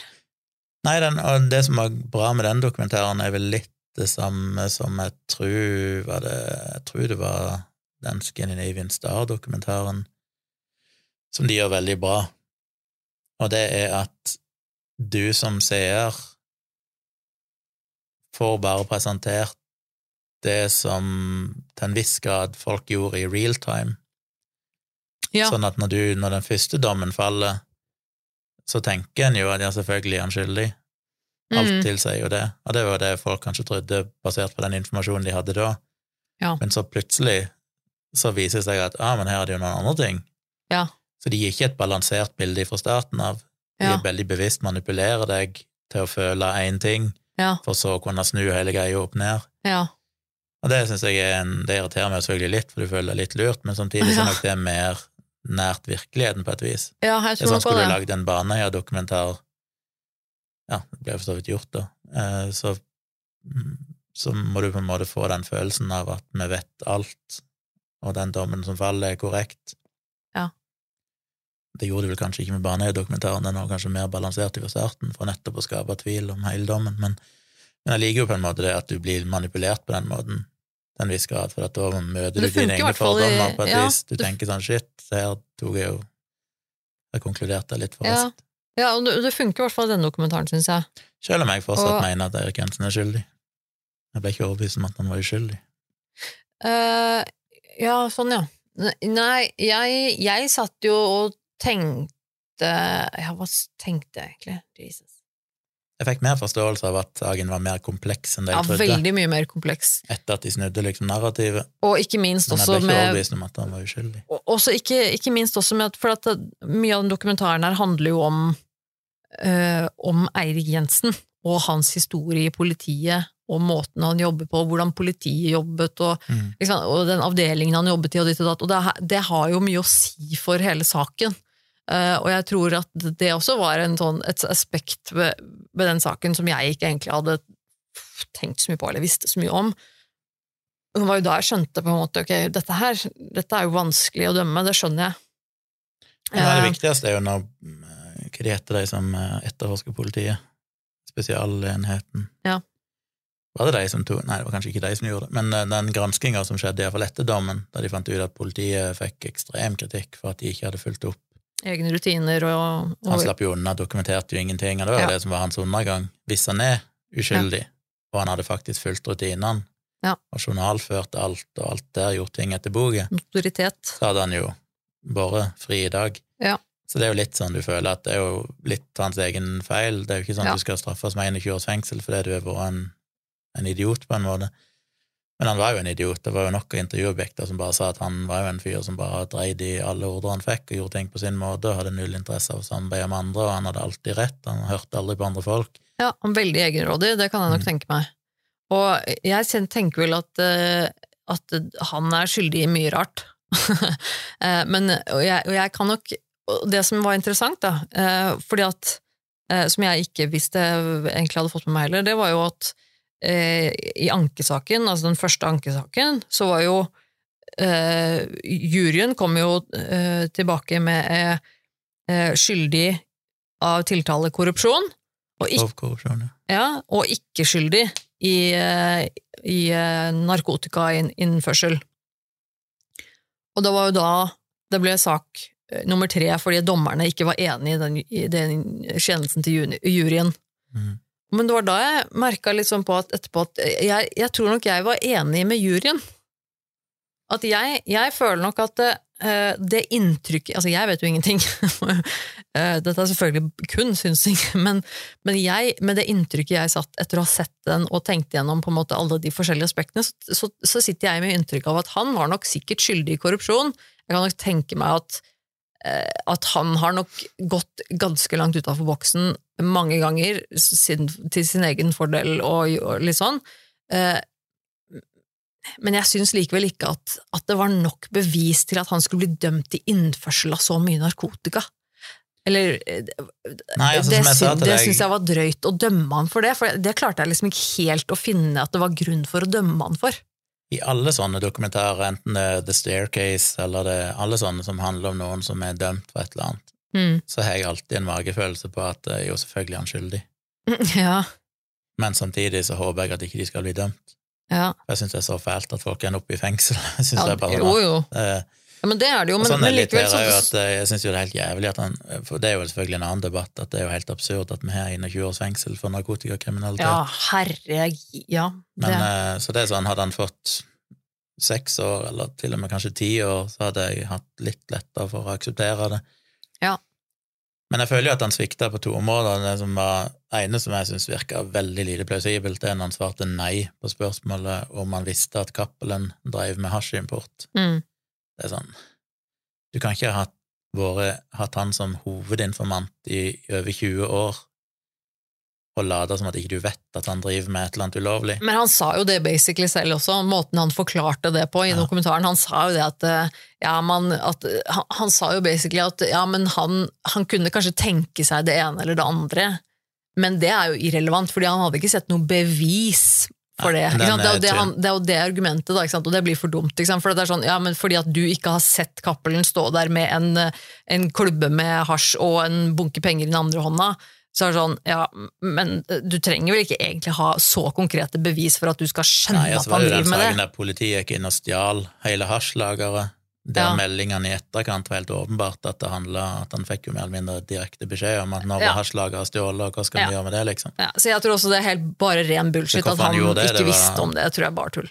Det andre er jo det at han, han Hele forsvaret til Erik Jensen var jo at Cappelen var en, den viktigste, det var liksom hovedinformanten hans, og han hadde nettopp pleia Mm. det samarbeidet, og det var det ingen andre som skjønte, for det var bare noen få som skjønte hvordan du gjorde det, og sånn, og derfor så var dette en urettferdig rettssak, for folk skjønte bare ikke hvordan det foregikk. Men som de sa helt på slutten i siste episode, så var det kun én sak gjennom alle 20 årene der informasjonen fra han Cappelen faktisk hadde noen betydning. Ja, Jeg sa sånn, Hvis han er hovedinformanten i over han 20 faktisk år, hadde Ja. og du ikke får brukt han til noen ting som helst av nytte, han kommer ikke med noe informasjon som faktisk er verdifull, Mm. Så fremstår jo det jo veldig absurd. Hvorfor i all verden da skal han bruke så mye ressurser, ofre så mye av sin egen sikkerhet for å pleie kontakt med en person som åpenbart var totalt betydningsløs, egentlig? Men på den annen side igjen, jeg vet jo ikke hvor vanlig det er. Altså, Nei. For alt jeg vet, Men du kan jo iallfall det er argumentere med at det er ikke noen grunn til å bryte loven gjentatte ganger hvis det er en person som faktisk Altså, du- Nei, jeg, skjønner poenget, og jeg er enig med deg, men og jeg også tenker jo at det burde jo Og så er jo det pengesporet, syns jeg er, er tvilsomt, det med at han reiser fra bank til bank og setter inn kontantbeløp jevnlig. Ja, argumentet var liksom at nei, men det var en tidligere medlem i B-gjengen som jobba i DNB, og derfor så turte han ikke. Sånn, det høres shady ut. Uansett så lurer jeg på, skattemyndighetene burde jo brydd seg, men hvis du drar inn mange tusen i måneden som du, i kontanter som du setter inn, så skal jo det regnskapsføres og sånn. ja. Så det er jo veldig rart at han bare tydeligvis han, Altså, han brøt jo loven som politimann, så er jo det alvorlig nok. ja. Og derfor, så, som minimum, så burde han jo fått eh, grov korrupsjon som dom. Ja, men det er det jeg tenker, at jeg, at jeg tenker at jo da, han har nok Uh, han er nok skyldig i mye. Han, skulle nok, han har nok gjort mye som ikke er innafor lovens rammer, og det burde han jo selvfølgelig få konsekvensen av. Men jeg syns jo likevel at, at, han, at han får dømt Altså at han har medvirket til den innførselen av narkotika, så mye narkotika, og at han også får 21 år fengsel. Det syns jeg er for drøyt. 21 år er jo for drøyt er uansett når det gjelder narkotikakriminalitet. Det er bare helt absurd, og det har vi jo snakket om i mange sammenhenger. Um, Men det var en uh, interessant dokumentar. Jeg må jo si at, uh, at eh, jeg hadde, jeg hadde ikke så altfor høye forventninger til den. Jeg tenkte, Da, da Erik Jensen-saken pågikk, så prøvde jeg å følge med litt her og der. Jeg syns jo på en måte det var interessant. Det er jo også en, en type sak som vi ikke ser så mye av i Norge. Dette med at en, en polititjenestemann og også en sjef i politiet skal det er veldig spesielt. Det er jo ikke bare en politimann, det er liksom lederen av Ja. narkotikapolitiet ender Ja. opp med å bli dømt for At han skal på en måte tiltales for noe så grovt, det er jo ikke ofte vi ser, så selvfølgelig var jo dette interessant å følge med på, men Bare en liten sympati for Eirik Jensen. Han er alltid, alt jeg har sett i avisene, så virker han så uspiselig og usympatisk at det er sånn jeg driter egentlig i han. ja. Men derfor hadde jeg en aversjon mot å se liksom, dokumentaren. men Noe interessant er dette. Jeg synes, ja, men det, Men det var var, det, var, det var mye der i den saken jeg ikke hadde fått med meg, så det må jeg jo si. Det var som ren folkeopplysning, sant? nå føler jeg iallfall at jeg er up to date på den saken, og det er jo verdt det, bare det. Vi har jo sett eh, en annen serie som heter Hacks på HBO. Ja, den, den var det du som satt på. Eh, Det hadde ikke jeg hørt om, egentlig. Nei, Den så jeg bare fordi at eh, jeg hører på What the Fuck med Mark Maron, og Å, ja. hun ene manusforfatteren der, hun som vel er liksom hovedforfatter bak serien, hun ble intervjua. Så tenkte jeg, så snakket de om han, så tenkte jeg ja, den hørtes for så vidt interessant ut, la meg sjekke ut den. Det er jo en, en, kom, det er jo en komedie. Dramakomedie. Det er jo nei, det er jo en komedie.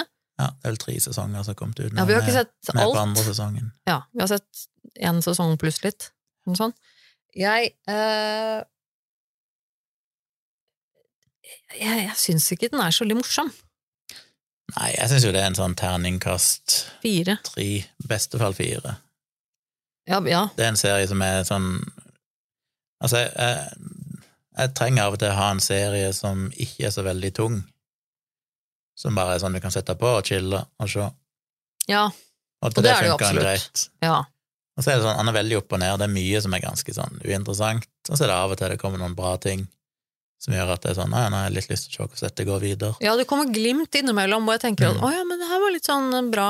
Men så er det så mange ganger i den serien hvor jeg sitter og tenker sånn Jesus Christ, så forutsigbart. Ja, det er mye klisjeer. Veldig mye sånne jo reaksjoner som du ser Emmy-priser i på manus og sånn, som er Ja, litt overraskende. Ja, men det var det du nevnte, ikke sant? Så tenker jeg sånn Det er jo bra. Da må det jo være noe bra her. Også, Det konseptet er jo, bare for å si det, da, det er jo ei gammel, eh, gammel Las Vegas-komikerdame, en 70 år gammel, som har drevet på i livet sitt. veldig stor og kjent. stor og kjent, men stort sett bare er gamle sånne Hvem kan du sammenligne det med i virkeligheten? Det var det jeg tenkte på. Det er Eh, litt som uh, ja, jeg i musikkverdenen eh, Cher eller uh, Celine Dion, eller sånn som bare står og gjør samme greia på scenen hver eneste kveld i 15 år, og så er de sitt noen som syns det er stas å se dem fordi de er kjente, men mm, det er ikke så mye nytt å komme med, liksom. Så det er litt av greia. Hun har fortalt de samme vitsene i 20 år, liksom, og har et publikum og trekker folk, men hun begynner å bli ganske utdatert, og så er det en mer sånn ung, progressiv eh, San Francisco, nei, LA-jente, eller ung dame, som av ulike årsaker ender opp med å jobbe som skribent for henne og prøve å skrive litt nye vitser og sånn, og så er det jo den dynamikken mellom dem der hun Komikeren er veldig sånn old school, ja, det er jo, de er jo veldig forskjellige. Det er jo på en måte det som er det morsomme, at de er jo sånn ja, oppdatert på hva som er veldig woke, da. Ja, ikke sant. De er jo helt forskjellige, de to. Og de liker jo ikke hverandre i det hele tatt, Og det er en egentlig. klisjéhistorie med at de hater hverandre i starten, Ja. og så ender de til opp med å egentlig like hverandre når de bare kommer under huden, så skjønner de at de har gode sider, begge to. Ja, det tar heldigvis litt lang, litt lang tid, da. Sånn at, for det er jo på en måte det der dissonansen mellom de to handler jo egentlig om det, da. Bare at Ja. de skal Men, komme til det punktet. Men eh, jeg, jeg tror kanskje det er litt premiss også som gjør at jeg ikke liker For jeg ble litt sånn Hæ, skal hun ha Er hun en kjent komiker som er kjempestor og som har holdt på i mange år, så skal hun ha en, en jente som kommer og skriver vitser for seg? Jeg ble litt sånn Hæ? Jeg, jeg følte eh, Er det noe ha, ha, blir, blir, en, blir en stor løgn, eh, livsløgn, avslørt for meg nå, eller hvordan Er det sånn man gjør det, liksom? Jeg ble litt sånn Hæ, dette her Litt av greia er vel at hun ikke vil det, hun blir jo ikke ansatt for det at hun gamle vil ha en skribent, men det er jo, altså, uten oss avslørende så skjer det jo ting i første sesong ah, jo. som gjør at det bare faller seg sånn at hun ender opp med å jobbe der, selv om det egentlig ingen Ja. av de har lyst til det. Men ja, det er vel mange av komikerne, vil jeg tippe, som er iallfall de litt mer sånn uoriginale, har nok forfattere som skriver vitser for dem. Det var sånn jeg ikke ville vite. Nei. Da venter du for å høre at alt av TV er skriptet. Eh, Nei, men det er jo absolutt en, eh, en, en lettbent serie. Hvis folk har lyst til å ha noe som er underholdende. Jeg hadde jo håpet det skulle være en sånn skikkelig sånn komikerkomedie. ja, som eh, er liksom morsom fordi den virkelig går under huden av hvordan komikerbransjen fungerer og sånn, men det føles jo litt mer sånn glatt, overfladisk, ikke så veldig relevant for de fleste litt mer kule, hippe komikeren. mm, Det er litt mer sånn eh, LA, nei, Las Vegas, eh, gamle, utdaterte komikere, eh, som er litt av poenget. Men jeg kommer nok til å se videre på det, for det er akkurat interessant nok til at uh, hvis ikke er andre ting å se på, så kan jeg godt slenge på det, og det er korte episoder, mm. kan pløye gjennom tre-fire episoder. Det er en sånn serie som er grei å ha. Ja. Men det er en serie som jeg faktisk ble litt overraska over. Altså, det, det var helt uh, tullete. Um, men jeg fant faktisk, av alle kanaler på NRK, eh, så fant jeg Jeg er jo litt sånn fan av eh, sånn eh, reality-TV. Gjerne litt sånn konkurranse-reality. Det syns jeg kan være ålreit å se på. Og så er jeg jo litt sånn fan av Gordon Ramsay. Jeg syns det er veldig gøy å se på han. Er det noen som, er det noen som kan å underholde, så er det jo han. Han er jo en ganske spesiell type. Jeg har jo sett, tror jeg har sett alle av de der eh, forskjellige TV-konseptene til Gordon Ramsay. Herregud, hvor mange forskjellige TV-serier han er med på å lage. Uh, og jeg har sett i Las Vegas, var vi ute forbi den der eh, Hell's Kitchen. Ja, ja det var vi. Ja, det var vi. Det. det. Um, og noen av de er jo kjempekule, og andre er litt mindre kule, men, men på NRK så har de en serie som heter Next Level Chef, som er et konsept av Gordon Ramsay, og som jeg aldri hadde hørt om engang, for jeg helt tilfeldig så det på NRK, av alle steder. Eh, som jeg faktisk syns var litt eh, kult. Det er jo eh, ganske sånn eh, Konseptet er jo for så vidt ganske mainstream i forhold til at det er en kokkekonkurranse. Det er tre dommere som er anerkjente kokker. En av dem er Gordon Ramsay. hvor de da har eh, antall amatørkokker som skal konkurrere seg til en, en vinner, eh, vinnerplass, holdt jeg på å si. Eh, og det, det som er nytt i denne serien, er jo, som er spinnen, på en måte, er jo det at den er, heter Next Level Chef, og det de har gjort da, er jo at de har spilt på dette med levels. De har rett og slett da konstruert en, en treetasje sånn Hva heter det? Eh, Kjøkken, på en måte. Et, et, Tre etasjer med forskjellige tre kjøkken. etasjer med tre forskjellige kjøkkenavdelinger. Så, så helt øverst, i tredje etasje, så har de da et state of the art kjøkken, som er på en måte det super, mest moderne, alt du kan tenke deg av de beste utstyret du kan drømme om som en kokk. I midten så har du standard sånn industrikjøkken, hvor alt på en måte er helt greit og ok, funker, og du har liksom det, det meste. Og nederste er altså kjelleren, der er det eh, skikkelig eh, dårlig utstyr. Da har Gammelt du på en måte utstyr, gammelt er utstyr. ujevn temperatur, kanskje ikke virker engang av og til. Eh, Ja, rett og slett eh, skikkelig sånn gatekjøkken, drittkjøkken, liksom. Um, og, og så blir det jo på en måte da eh, delt opp i lag, og så det, roterer de litt på, på måte hvem som skal være hvor, og hvem som skal kokkelere i hvilket kjøkken. Og det er jo et konsept jeg egentlig syns er litt gøy, for jeg syns jo det er eh, litt artig når da på en måte kokker som er veldig flinke, selv om de er amatører, så er de jo flinke disse her, og så blir de på en måte satt i å eh, konkurrere i et skikkelig ræva kjøkken. Det kan jo eh, irritere hvem som helst, og så er det jo likevel sånn at jeg mener at hvis du er en skikkelig god kokk, så skal du kunne lage god mat av eh, de teiteste restene, liksom. Det er litt det det går på, da. At, du, at da får de testa seg på alt, alle nivåer. Og det, så det, det syns jeg Når, faktisk koke, når de får en opp, oppdrag, så kommer det jo sånn eh, råvareheis. ja, Sånn Så de, råvaren de får topp til bånn, så de som er på øverste kjøkkenet, de får første valg og kan plukke alle råvarene de vil ha, og så etter 30 sekunder så går han videre. mm, Og da har jo de på neste nivå litt begrensa muligheter, og de på nederste nivå må jo bare ta det som er igjen, liksom. Ja. Så det er jo en forskjell. Jeg har jo bare sett uh, halvannen, eller jeg har Og du fikk jo se et par stykker, ja. Jeg så Det er ikke så mye å si om det. Det er bare én sesong som ligger ute på NRK. Jeg vet ikke, jeg husker ikke hvor nytt det er.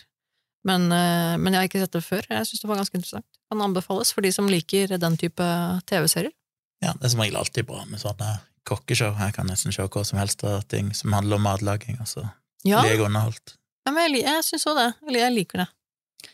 Jeg prøvde dere òg på Prehistoric Planet med David Attenborough Og jeg ble så Å på nei. Apple TV pluss. det er vondt å si. Jeg er jo så Altså, jeg er så fan av David Attenborough. Jeg har vokst opp med David Attenborough på TV og til stemmen hans og elsker Og har portrettet hans tatovert på låret. Jeg har til og med et, et, et bilde av han som ung mann tatovert på låret mitt. Eh, et fantastisk kult portrett. Eh, har vokst opp med å høre på hans stemme fortelle meg om dyr og planter i hele verden, og jeg elsker det. Og da jeg så at Prehistoric Planet kom, så måtte jeg jo sjekke ut det, selvfølgelig, for dette er jo David Attenborough, som da i kjent stil forteller om eh, dyr, men da er det jo snakk om prehistoric dyr, altså liksom dinosaurer og Greia her er at de har brukt liksom state of the art animasjonsteknikk og prøvd å gjenskape litt sånn Jurassic Park bare 30 år seinere, liksom, i teknologi.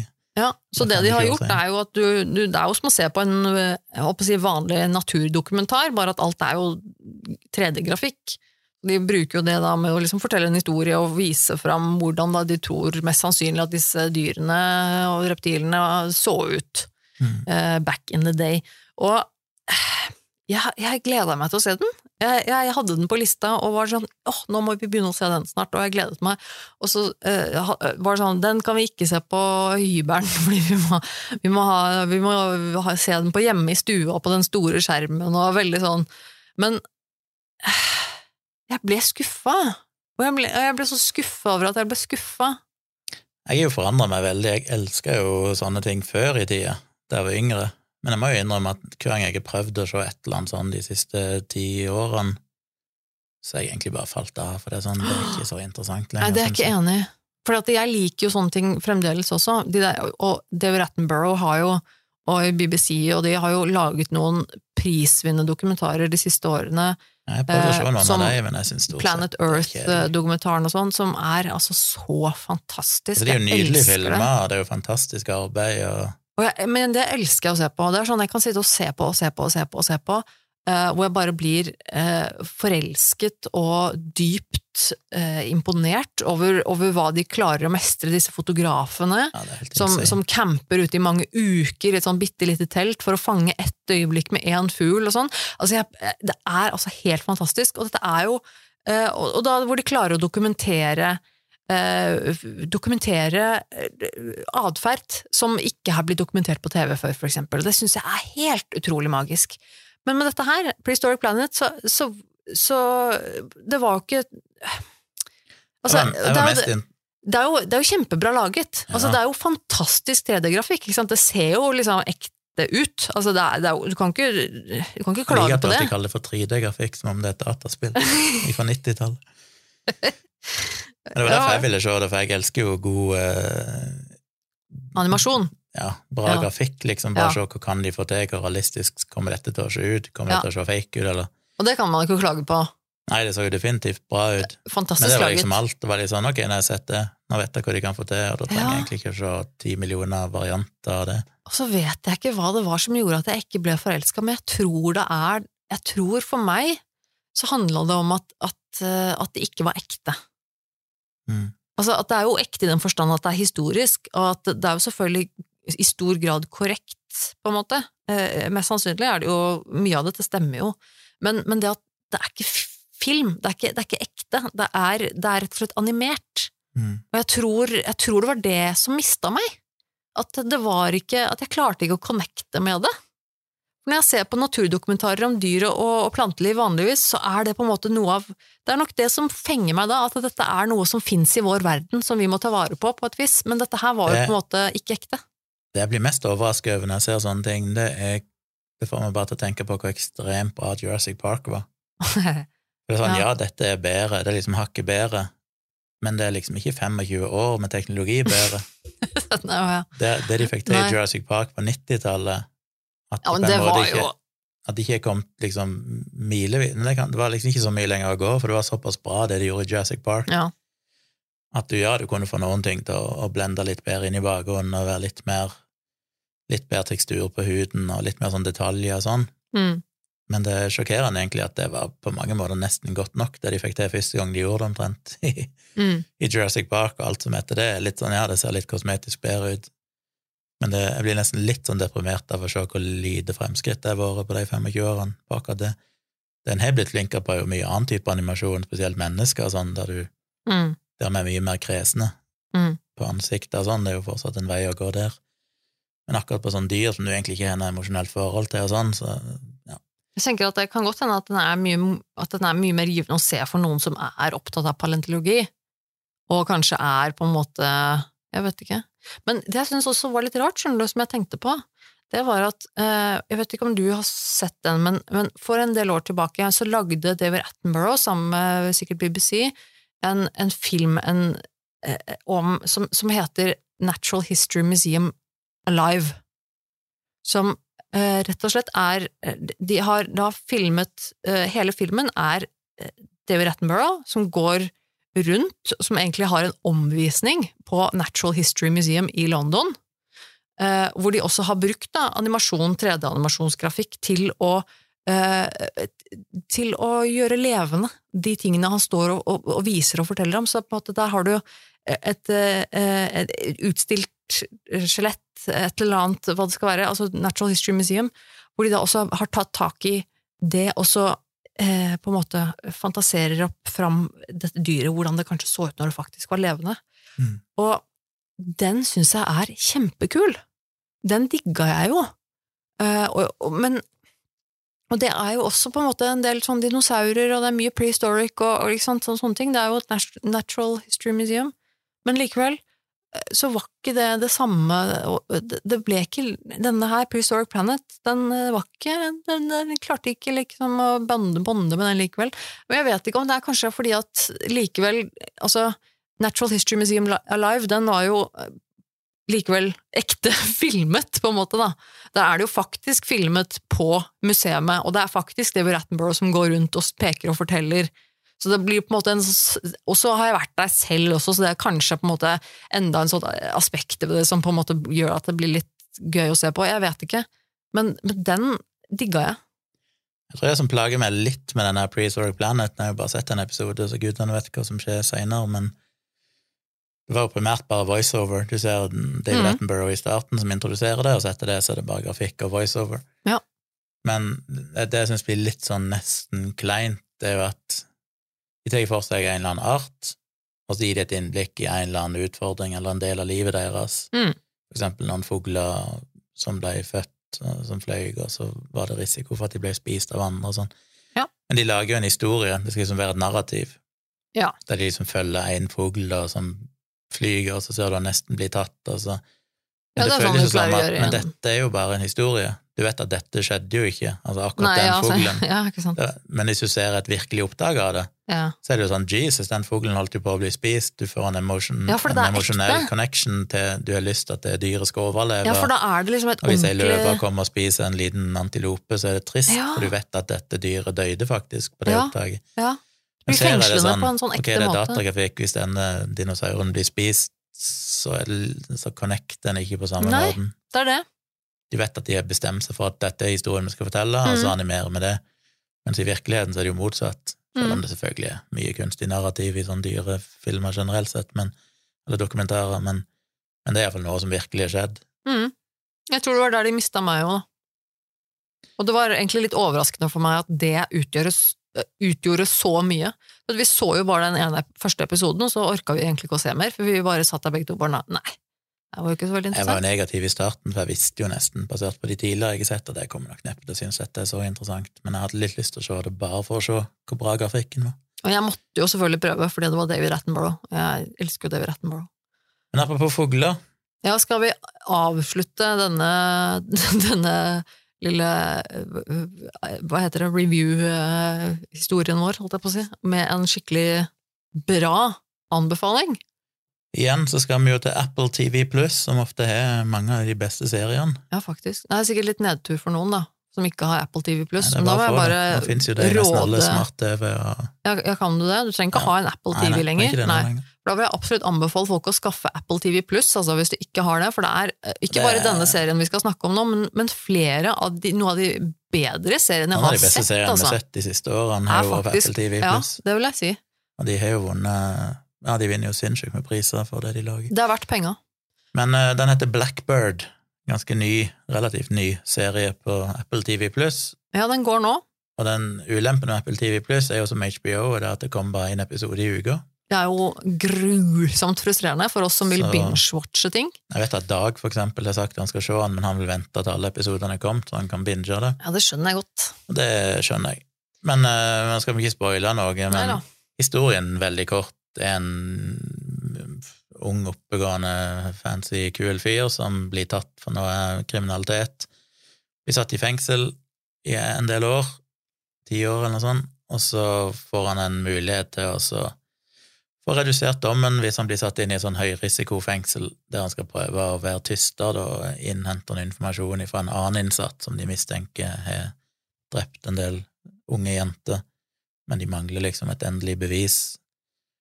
For han vil ta opp igjen en ankesak, da, så for å være sikker på at ikke han slipper fri i den ankesaken, så trenger de noe mer bevis, og så skal han få det ut, og så skaper jo det masse, Mm. masse problemer. Det er ikke så gøy å bli satt inn i et høyrisikofengsel med masse drapsmenn og sånn, og det, det kan være et hardt liv. Men det er rett og slett en, et utrolig bra manus. Fantastiske skuespillere, spesielt han som spiller Larry, som er denne potensielle da, drapsmannen i fengsel, Ja. som er litt sånn enkel sjel. Ja, tilsynelatende i hvert fall. ja. Veldig enkel sjel. Tilsynelatende en ganske lav in intellekt og ja, Han, litt sånn ja, stusslig person. ja, han virker sånn. Han spiller altså så bra, han Ja, skuespilleren. han sp- Jesus Christ. Han spiller så bra at det er litt sånn creepy. Ja. Altså, jeg, jeg, det er jo flere ganger vi har sittet og sett på den serien hvor jeg bare må kikke bort på det og bare herregud, altså, han Altså, spiller små så bra. tingene han gjør, bevegelser, ansiktsuttrykk Det er litt som da jeg så uh, Who's, What's, who's eating, What's Eating Gilbert Grape, Ja, den har ikke jeg sett, jeg tror jeg. der uh, første gang jeg så uh, Leonardo DiCaprio da han var en ganske så ung gutt. oh, ja. Han spiller en autistisk eller sånn gutt. ja. Og da hadde jo ingen hørt om han, iallfall ikke jeg. Han var Nei. helt ukjent, han var bare en liten jypling, vet ikke hvor gammel han var, tenåring. Og jeg bare tenkte, han her må jo, han må jo ha den diagnosen. Det var helt uaktuelt for meg at, de, at det var skuespill. Ja, ikke sant. Får litt Eller- samme følelsen her. Eller litt som når vi snakket om den der eh, Kjærlighet på Spekteret, Mm. dokumentaren på Netflix, der du ser folk med autisme som skal prøve å date hverandre og sånn. Og så jeg sa vel det i en livestream at det er så tydelig hva som er forskjellen på liksom ekte autister og når du har de der seriene, sånn som hva den heter, Uh, Atypical på Netflix. Ja, på Mm. Som er en person som Som spiller, autist. en autistisk person, ja. og som er litt Mm. sånn karikaturen av en autist, ikke sant, du har enkelte trekk som er sånn, ja, det er typisk autistiske trekk, men det han ikke gjør, som autistene gjør, er jo de der helt random, uforutsette tingene, der de bare plutselig ser eller gjør et ansiktsuttrykk, eller Ja. sier noe som er bare sånn, Jesus, hvor kom det ifra? Ja, for det er noe Ja, Og det er det han nailer så bra i denne, han som spiller Larry, ja han fordi gjør han det. gjør sånne ting som du må ha en sånn dyp menneskelig forståelse for å kunne spille den karakteren, Ja, fordi han gjør så mange ting som ikke kunne vært skripta, og neppe noen har fortalt han. han har virkelig klart ansiktsuttrykk og bevegelser og rare sånne ting som bare du tenker at Jesus, det, er så rart å se på han. Han er veldig Han er creepy, han er, det, ja, det er så han ekte. ordentlig klart å gå- gå inn i den karakteren og ta den til seg på en veldig, veldig sær måte. Jeg skulle likt å hørt stemmen hans i et intervju, for han snakker jo sånn. Han snakker litt sånn her, En rar, veldig lys stemme. Jeg lurer på om han har ganske lys stemme i virkeligheten, eller om det bare òg er trekk han har tillagt den karakteren. Jeg tror det er noe tillegg til. Altså. Sannsynligvis iallfall overdrevet. Ja. Men det, litt, det var gøy å høre intervjuet, så han bare sånn skikkelig mørk, maskulin stemme. Altså det, så det er jo han, han spiller utrolig bra. Han heter Paul Walter Hauser, forresten, han skuespilleren. Hadde aldri hørt om han før. Jeg har ikke sett han før, tror jeg, i noe annet. Nei, ikke på, men Um, det er han som spiller Larry Hall. Og så er det jo selvfølgelig hovedkarakter, holdt jeg på å si. Eh, Han som spiller eh, eh, Jimmy Keen. Um, for oss som er litt fan av Taron Egerton. Taron Egerton er jo This Guy Fox. Ja, det tror jeg nok. Uh, jeg, jeg, jeg jo, syns jo han er veldig kjekk, eh, må jeg si. Uh, det er jo han som spiller eh, hovedrollen i Kingsman-filmen også, hvis det er noen som har sett de, og, eller uh, eh, han som spilte Elton John i, i filmatiseringen om livet til Elton John. Um, han er jo brite, eller han er vel egentlig fra Wales, eh, tror jeg. Så jeg ble litt satt ut, for jeg hadde jo sett eh, jeg, jeg visste om Blackbird, denne serien her, før den kom. Jeg hadde lest en eller annen kort review om sånn nå, disse seriene kommer Så snart. den er jo visstnok basert på virkelige hendelser. Ja. Og jeg kjenner ikke helt historien, så den må jeg jo lese meg opp på, men det er Ja. litt fascinerende at dette til en viss grad har skjedd. Ja, det må jeg sjekke ut. Det hadde jeg faktisk tenkt å gjøre, og så glemte jeg det. Beklager. Eh, men ehm, Nå øh, Han er fra. Wales, han snakker amerikansk. Jo, jo, det var det som satte meg ut litt. Fordi at han er jo Jeg har jo sett han i de andre filmene, og da snakker han jo britisk. Men her, i denne serien, så snakker han jo amerikansk. Så jeg ble jo helt satt ut da vi begynte å se serien, for jeg ble jo plutselig litt usikker på hæ, er det han, eller er det ikke han? Fordi at hans, det, det språket eh, utgjorde så stor forskjell at jeg ble helt eh, forvirra.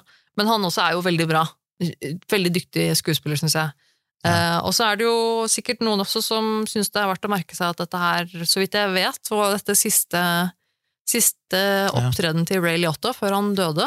Uh, dette er i hvert fall en av de aller siste produksjonene han var med i. Ja, det blir jo sjekka Wikipedia-sida hans, det er kommet en del andre sånne um, posthumous uh, serier, diverse som han var med i, som spilte inn mye på slutten, som Mhm. ble lansert etter han døde. Men det er litt trist å vite at han faktisk døde. Ja, og det er, og det, det er jo sikkert en del av hvordan han skal se ut i den filmen, men han ser så sliten ut i, Ja. den, i, eller han i serien, spiller jo litt sjuk han begynner å bli Ja. dement og sånn vel i serien. Ja, han, spi, han spiller jo faren til hovedpersonen, Ja. som jo selvfølgelig også er, har vært eh, gjennom en del eh, penere dager, holdt jeg på å si. Og, men, øh, men det er nesten litt sånn creepy å se han der, for at når du vet at han nå faktisk er død, og han ser så rart, sliten ut i den serien, så blir jeg nesten litt sånn åh, det var nesten litt Alltid så sånn rart å se sånne folk og bare vite det at når de spilte inn dette, så var det ingen som visste at noen få måneder seinere så kom han til å faktisk dø i ja. virkeligheten. Ja, det er litt sånn creepy. Deprimerende. Men jeg må si, for vi har jo da selvfølgelig ikke sett Blackbird ferdig, for den er jo ikke sendt ferdig ennå, den Ja, går jo fortsatt. fredag. Hver fredag på Apple TV Pluss. Men eh, det er jo kommet fem episoder eller noe sånt, så hvis du begynner nå, så kan du Ja. binge en del. Men satan så bra den er. Eh, jeg liker den veldig, veldig godt. Og jeg må si, jeg, er, jeg bare sitter og håper på at den holder seg bra, og at den ikke liksom tar en vending mot slutten av sesongen som jeg ikke liker, for det vet man jo aldri. Nei, men, jeg, eh, men det som er bra liker den at så jeg godt. fortsatt ikke helt vet Nei, jeg vet ikke. Jeg vet liksom ikke. Nei, jeg vet ikke. Er, er han skyldig, er han ikke skyldig? Den, de klarer å holde Ja, den ja. Og jeg liker det kjempegodt, for jeg er- sitter der som ser, Jeg sitter og snudde ser et på. par ganger. Det er sånn, først så tenkte de ok, dette er historien, men så begynner du å tvile. Sånn, ja, Ja, så blir okay, sånn, men her er tok de feil. han faktisk- Kanskje han ikke Men så begynner du å bygge opp mot motsatt vei igjen. Ja, så plutselig kommer det ting som bare Hæ, nei! så jeg er veldig Åh, spent på om det er jo- veldig godt mulig at det faktisk snur igjen. Ja! Så, og i så fall er det jo helt genialt. Så. Ja, jeg syns den er utrolig, utrolig bra skrevet. Den er Mm. utrolig bra, altså manuset og alt er veldig bra skrevet, og skuespillerne er kjempeflinke. Det som er med Apple TV Pluss, det virker som når de først lager en serie, så er det liksom ikke bare lage en serie for å lage en serie, sånn som Netflix, som bare er liksom å kjøpe inn alt mulig og ha mest mulig content. Mm. Det er mye bra på Netflix, men prosentvis på Netflix så er det jo ikke mange prosent som er bra. Nei, det er bare noen få som Mens er bra Apple TV Plus er det en veldig høy prosent. De har ikke så mye innhold, relativt begrenset innhold, Ja. men det de først lager, er jo Men med denne, denne serien, du merker liksom, når du begynner å se på den serien, at her har de, de har en ekte intensjon.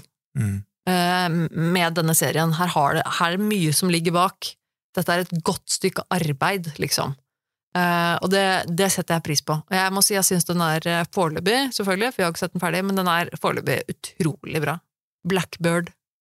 Se den, Ja. folkens. Skaff deg en Apple TV Pluss-konto. Den siste jeg vil anbefale for min egen del, er jo siste sesong av Barry.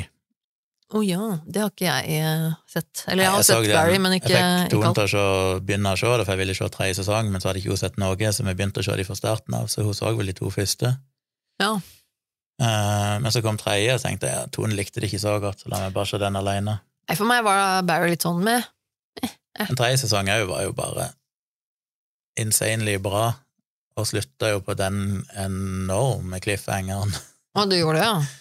Skal du lage mer? Ja, forhåpentligvis. De kan jo ikke slutte der han slutta nå. Da må jeg gå og skyte noen. Og jeg sendte jo melding til Dag og sa sånn at jeg syntes det var dritbra tredje sesongen, jeg visste ikke om han hadde sett den ennå, men da jeg fikk vel svar fra han, så sa han ja, den var tilnærmet perfekt. Ja, men så bra, da. den var bare ja, fantastisk bra. Så hvis ikke du har sett Barry, som vel går på HBO, den òg, med Bill Hader, som vel egentlig er en komiker, som er ja, eh, sjekk ut Barry, det er en komediedrama som samtidig er veldig mørk og brutal tidvis, og Det er den, absolutt, absolutt. anbefalt. Jeg syns han er veldig bra, han som spiller Barry. Jeg syns han Ja. gjør en god figur, liksom. Eh, Men selve serien for meg ble nok eh, Men det er nok kanskje fordi at jeg eh, jeg, jeg trodde den skulle være mer eh, mørk og brutal enn det den var, så, så ble den på en måte mer drama enn det jeg hadde sett for meg, tror jeg. Og så klarte jeg ikke helt å samstille det liksom, i, i hodet mitt på et vis, og så ble den litt sånn med. Eh, Men jeg har jo hørt at den er bra, så det er jo, det er jo mange som digger den. Ja, veldig bra. Og med den cliffhangeren på slutten, så er det jo bare det er så vondt, for det er sånn Jesus, vi har virkelig venta nå på en sesong fire. oh, for meg. for å finne ut hva som der går, for det er jo helt absurd. Men ja, masse gode anbefalinger. Mr. Good på Netflix, Hacks på HBO, Next Level Chef på NRK, Prehistoric Planet, kanskje ikke en anbefaling, på eh, Apple TV Pluss, Blackbird på Apple TV Pluss og Barry på HBO. Det er virkelig verdt å kjøpe seg et eh, Apple TV Pluss-abonnement bare Ja. for å se Blackbird, vil jeg påstå. Så det ble jo en lang eh, jubileumsepisode. Ja, men det var vel på sin plass. Det er jo nummer 100 og slash 300.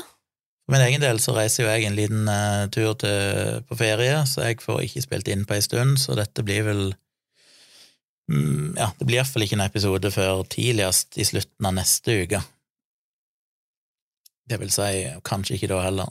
Så det kan være opptil to uker før jeg kommer med en ny episode, vi får se. Men jeg eh, må ha litt ferie, Ja, det syns du bør ha. og du eh, slipper jo episoder sånn innimellom, så det kommer når det kommer.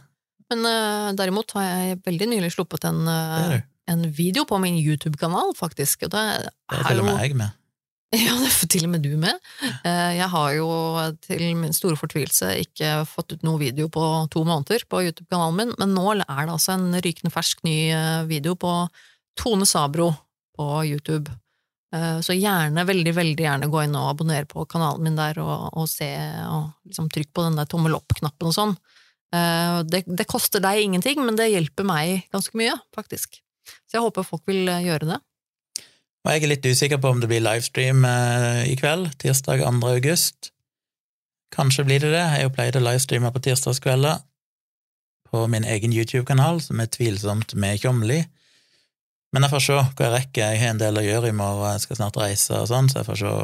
Men hvis det er, så dukker det jo opp. Er å gå inn og abonnerer på YouTube-kanalen min. Altså på sida av abonner-knappen så er det bilde av en sånn bjelle.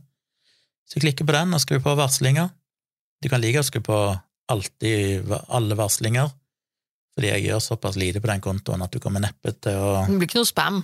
Nei, det eneste du får varsling om, det er når jeg faktisk går live på en, på en livestream. Mm. Og hvis du vil ha med deg livestreamen, så bør du skru på alle varslinger. Og en fredag en gang iblant så er vi jo live der begge to, Ja. både på din og min kanal på YouTube. Da gjør vi jo litt Det blir nok en stund til neste gang, det er jo på grunn av ferie og sånn, men eh, Ja, innimellom så kommer det. Men vi prøver å få det til når vi har eh, eller fredager eh, ledig.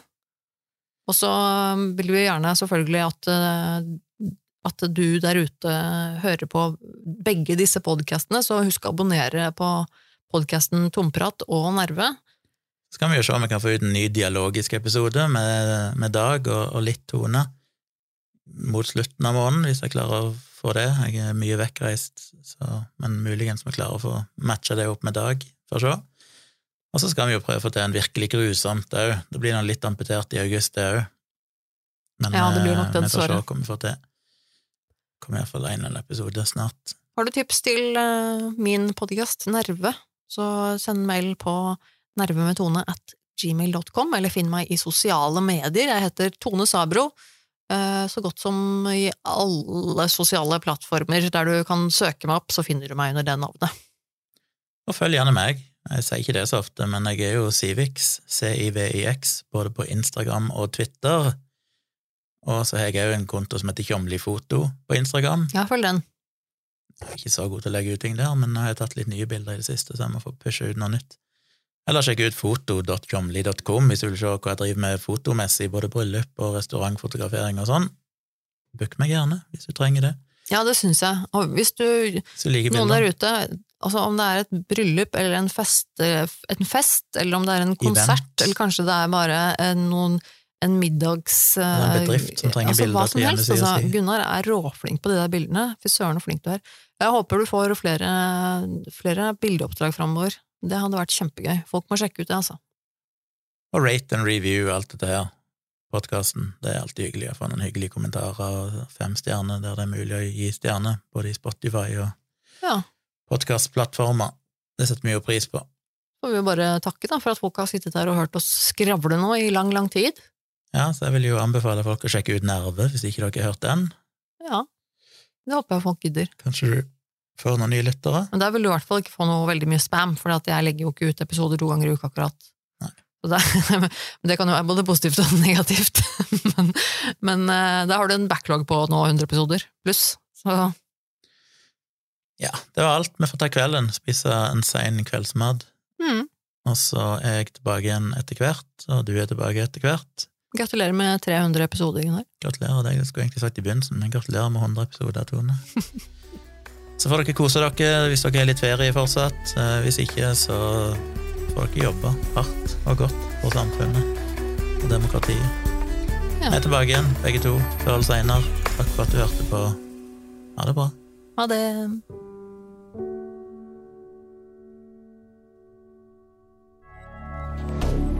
Moderne media.